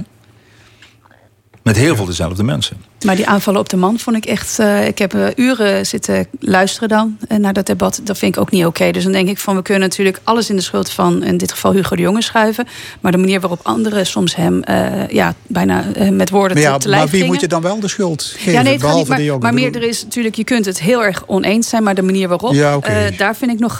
daar is ja, een, want feit blijft dat Van Linden en consorten de kluit fors hebben dat belazerd. Klopt, klopt, maar dan kun je als Kamerlid nog steeds iemand bevragen op een uh, fatsoenlijke manier. En soms Want over, die, over die deal zelf is amper gesproken. Klopt, maar dat is ook logisch, denk ik, omdat dat bewuste rapport er nog ja, uh, moet komen. Dat onderzoeksrapport van Deloitte. Ja, okay. maar dit ging, dit ging natuurlijk alleen over zijn um, manier van communicatie daarover. En de rest, ja, ik ben bang dat we weer 12 uur naar een debat gaan kijken als dat rapport er is, of 24 uur. Ja. Gisteren is de Boekenweek begonnen. Uh, ik weet niet wie van jullie al naar de boekhandel is geweest om iets aan te schaffen. Nog niet. Nee, niet sinds gisteren. Nee. Ja. Ik gisteren. Ja? Stapelboeken. En het boekenweekgeschenk. geschenk Meteen beginnen te lezen naar acht bladzijden. Geniaal. Oké. Okay. Drie keer op mijn stoel gelachen. Ja, ja, ja. Drie keer op mijn stoel gevallen van het lachen. Oké. Aanrader. Ja, is zo'n zo'n boekenweek, is dat nog een, een goed middel om lezen te bevorderen? Want daar is het voor begonnen, hè, om de boekenverkoop te stuwen, dus mensen aan het lezen te krijgen. Of is het misschien een heel achterhaalde vorm van campagne? Nou, onderzoek laat zien dat het op zich wel helpt. Uh, of het de manier is, weet ik niet. Maar om gewoon het weer, uh, sorry, aan de, ja, onder de aandacht te brengen is een, is een goede manier. Maar het is één van de manieren. Ja, ja, ja, ja want jij werkt in het onderwijs. Hè? Um, dus ja, het is, het is altijd de vraag die weer gesteld wordt. Um, het is moeilijk om jongeren, maar ook überhaupt volwassenen aan het lezen te krijgen. Dat is, dat is wel een probleem op dit moment. Het is een groot probleem. En Nederland doet het op uh, internationaal gebied qua lezen ook uh, niet goed. Dus in die zin denk ik van hoe meer er uh, aandacht is op het jeugdjournaal of televisie of in andere media voor lezen, dat is, dat is goed. Een belangrijke factor daarin is ook dat, um, dat kinderen, jongeren en volwassenen ook zelf lezen in het bijzijn van anderen. Want dat lijkt bijvoorbeeld nog veel succesvoller dan een weekje kinderboekenweek of boekenweek. Gewoon zelf, um, zelf als ouder gaan lezen. Ja, dat precies. kinderen en daar, dat zien. Daar, ja. Als ik dan met ouders werk, zeg ik ook van, uh, dan kun je tegen je, op je kind mopperen van je leest niet meer. En dat doen ze ook niet meer. Maar uh, hoe vaak zit je zelf als vader of moeder op de bank zonder ergens een scherm in je hand of voor je hoofd? En lees je zelf nog? En, en, de, en onderzoeken laten zien dat dat bijvoorbeeld het meest uh, veel invloed heeft. Leerkrachten ook. Hè. Kinderen moeten op school vaak uh, lezen. een kwartier, een half uur per dag, prima.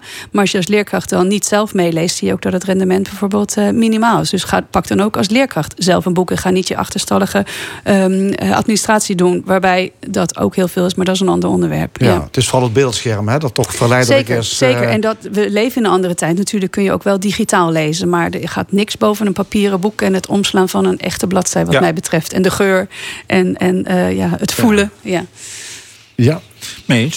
Dus ik, ik, denk dat, helemaal eens, ik denk niet dat het de manier is, maar het blijft wel een bijzondere manier om wat, aandacht te krijgen. En wat ik ook wel heel interessant vond, is, dat heeft daar misschien niks mee te maken, maar dat, dat een, een grote boekwinkel in Maastricht, die bijna op sterven naar dood was, nu een filiaal gaat openen in, in Heerlen. Dus eh, er is wel weer aandacht. En als ik eh, in de stad loop en ik zie daar nog een boekwinkel, dan, dan loopt er altijd wel loopt er altijd wel gelukkig volk. Er wordt altijd nog wel wat gekocht en gelezen. Ja. Wat vinden jullie eigenlijk van het thema van de Boekenweek? Eerste liefde. Ja, ik vind het vooral het woord liefde passend op deze tijd. Echt waar. We hebben ellende gehad, twee jaar lang corona. Iedereen leeft op zich. Hè? Uh, geen familiebezoek, noem maar op. Uh, de Oekraïnse oorlog nu. En als je zo'n thema hoort, dan niet alleen de eerste, uh, eerste liefde, oké, okay, dat, dat kan. Maar als je alleen het woord liefde ziet, dan denk je, oh, wat een opluchting. Lente komt eraan. En ja, ik vind het hartstikke positief en goed uitgekozen. Echt waar. En ik zag een paar boeken. Ik heb, ja, wat ik heb gezien, die heb ik al. Maar het is interessant en passend met deze tijd. Dus dat hebben we gewoon nodig. We hebben liefde voor elkaar nog zelfs nodig. We, we zijn bijna uit elkaar gegroeid. Met, met de buren gewoon zwaaien of een praatje van de ene stoep naar de andere. Ja, bioscopen zijn leeg, theater is leeg.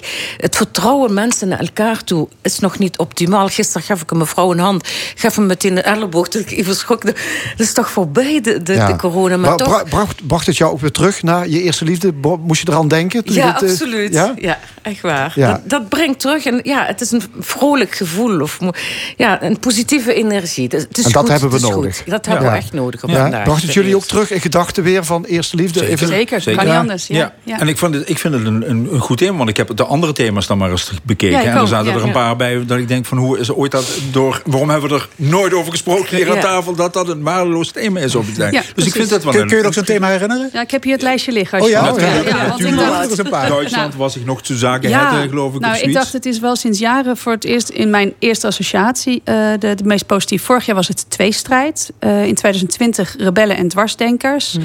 2019 de moeder, de vrouw. En in 2018 bijvoorbeeld natuur. En ik dacht wel, bij eerste liefde zou misschien wel een veel groter deel van de bevolking zich aangesproken kunnen voelen. Um, als je denkt de moeder, de vrouw, dat, in mijn beleving is dat natuurlijk uh, nou, maximaal 50% en misschien nog wel minder. De, ik weet niet of dat mannen aan zou spreken. Misschien heb je hebt allemaal moeder. Maar dat ik wel dacht van deze vond ik wel positief. Ja, 2016, Duitsland was ik nog te zaken Ja. Uh, ja, dus ik dacht, nou, dit is misschien wel een algemeen en ook lekker een positieve. En je hoopt dat iedereen van de bevolking een eerste liefde of eerste liefdesgevoelens heeft gehad. En, daar even. En een voorspellende, voorspellende waarde. Hè? Vorig jaar Precies. tweestrijd. Uh, we zien wat eruit gekomen is aan de huidige kant. En nu eerste liefde, dus nou, voor een mooi jaar. Dat, geeft hoop. Dat geeft hoop. Zeker. Dat geeft hoop. Ja, sinds een week of zes zijn de meeste uh, cultuurinstellingen weer open. Maar het publiek loopt niet bepaald warm. Um, vooral theaters, klassieke concertzalen en de musea. Ja, daar komt, daar komt weinig volk op af. Ja. Verklaarbaar. Ja. Bijna niet. Oh. op onderdelen. Dus volgens mij zou het genuanceerd moeten zijn. Volgens mij blijft een bepaalde categorie leeftijd achter in die uh, musea en in schouwburgen enzovoort. Jeugd en ja, festival. precies. De, de popfestivals loopt het uitstekend ja, mee. De, de concertzalen, ja. ja. klopt. En andere niet. En dan, dan praat je er met wat mensen over. En sommigen zeggen, ja, dit is al drie keer uitgesteld. Ik heb, uh, ik heb het even gehad. En anderen zeggen, ik heb andere prioriteiten. Ik wil eerst naar familie en ik wil eerst maar gezellig eten. Dus uh, ik zie ook dat de avonden van een jaar geleden... van elke avond leeg, nu elke avond bijna bezet is. Dus uh, we gaan andere prioriteiten stellen. Ik maak me daar niet zo'n zorgen om. Nou, ik dacht eigenlijk wel dat er misschien twee mogelijke verklaringen waren. Maar um, ik kan het ook mis hebben. Ik, wat ik om me heen hoor, want uh, ik dacht, ik zou het dus navragen. Zijn, sommige mensen die lazen ook van de week uh, de koopkracht. De inflatie is gestegen, de koopkracht is achteruit gegaan. Um, het is niet goedkoop, een avondje theater per se. Nou, dat geldt niet voor alle bezoeken. Dus sommigen houden gewoon even de portemonnee dicht. En ik spreek ook nog best veel mensen die toch nog niet helemaal ja, gemakkelijk zitten in een, in een ruimte met heel veel mensen bij elkaar. Corona. Ja. Um, of dat de verklaring is, maar ik, dat zou mee kunnen spelen. In ieder geval ben ook met je eens dat zeker bepaalde doelgroepen daar veel minder last van Vorige week museum was uitverkocht kunnen geen kaartjes krijgen. En dat heeft denk ik ook met corona... dat ze toch nog steeds een beetje voorzichtig zijn... voor een bepaalde aantal bezoekers en klaar. En het leeftijd, dus die jongeren die gaan naar uh, festivals... en de ouderen die, die ouderen die willen wel naar theaters. Maar de thema's... Eerste liefde. Eerste liefde. Hartelijk dank. Heetje Harzi, Ingeborg Dijkstra en Wim Haan. En dit was de stemming. Vandaag gemaakt door Edwin Maas, Anje Fons Geraerts en Frank Ruber. Graag tot volgende week zondag om 11 uur. En zometeen hier op L1 Radio Sport Co. Ik wens u nog een mooie zondag.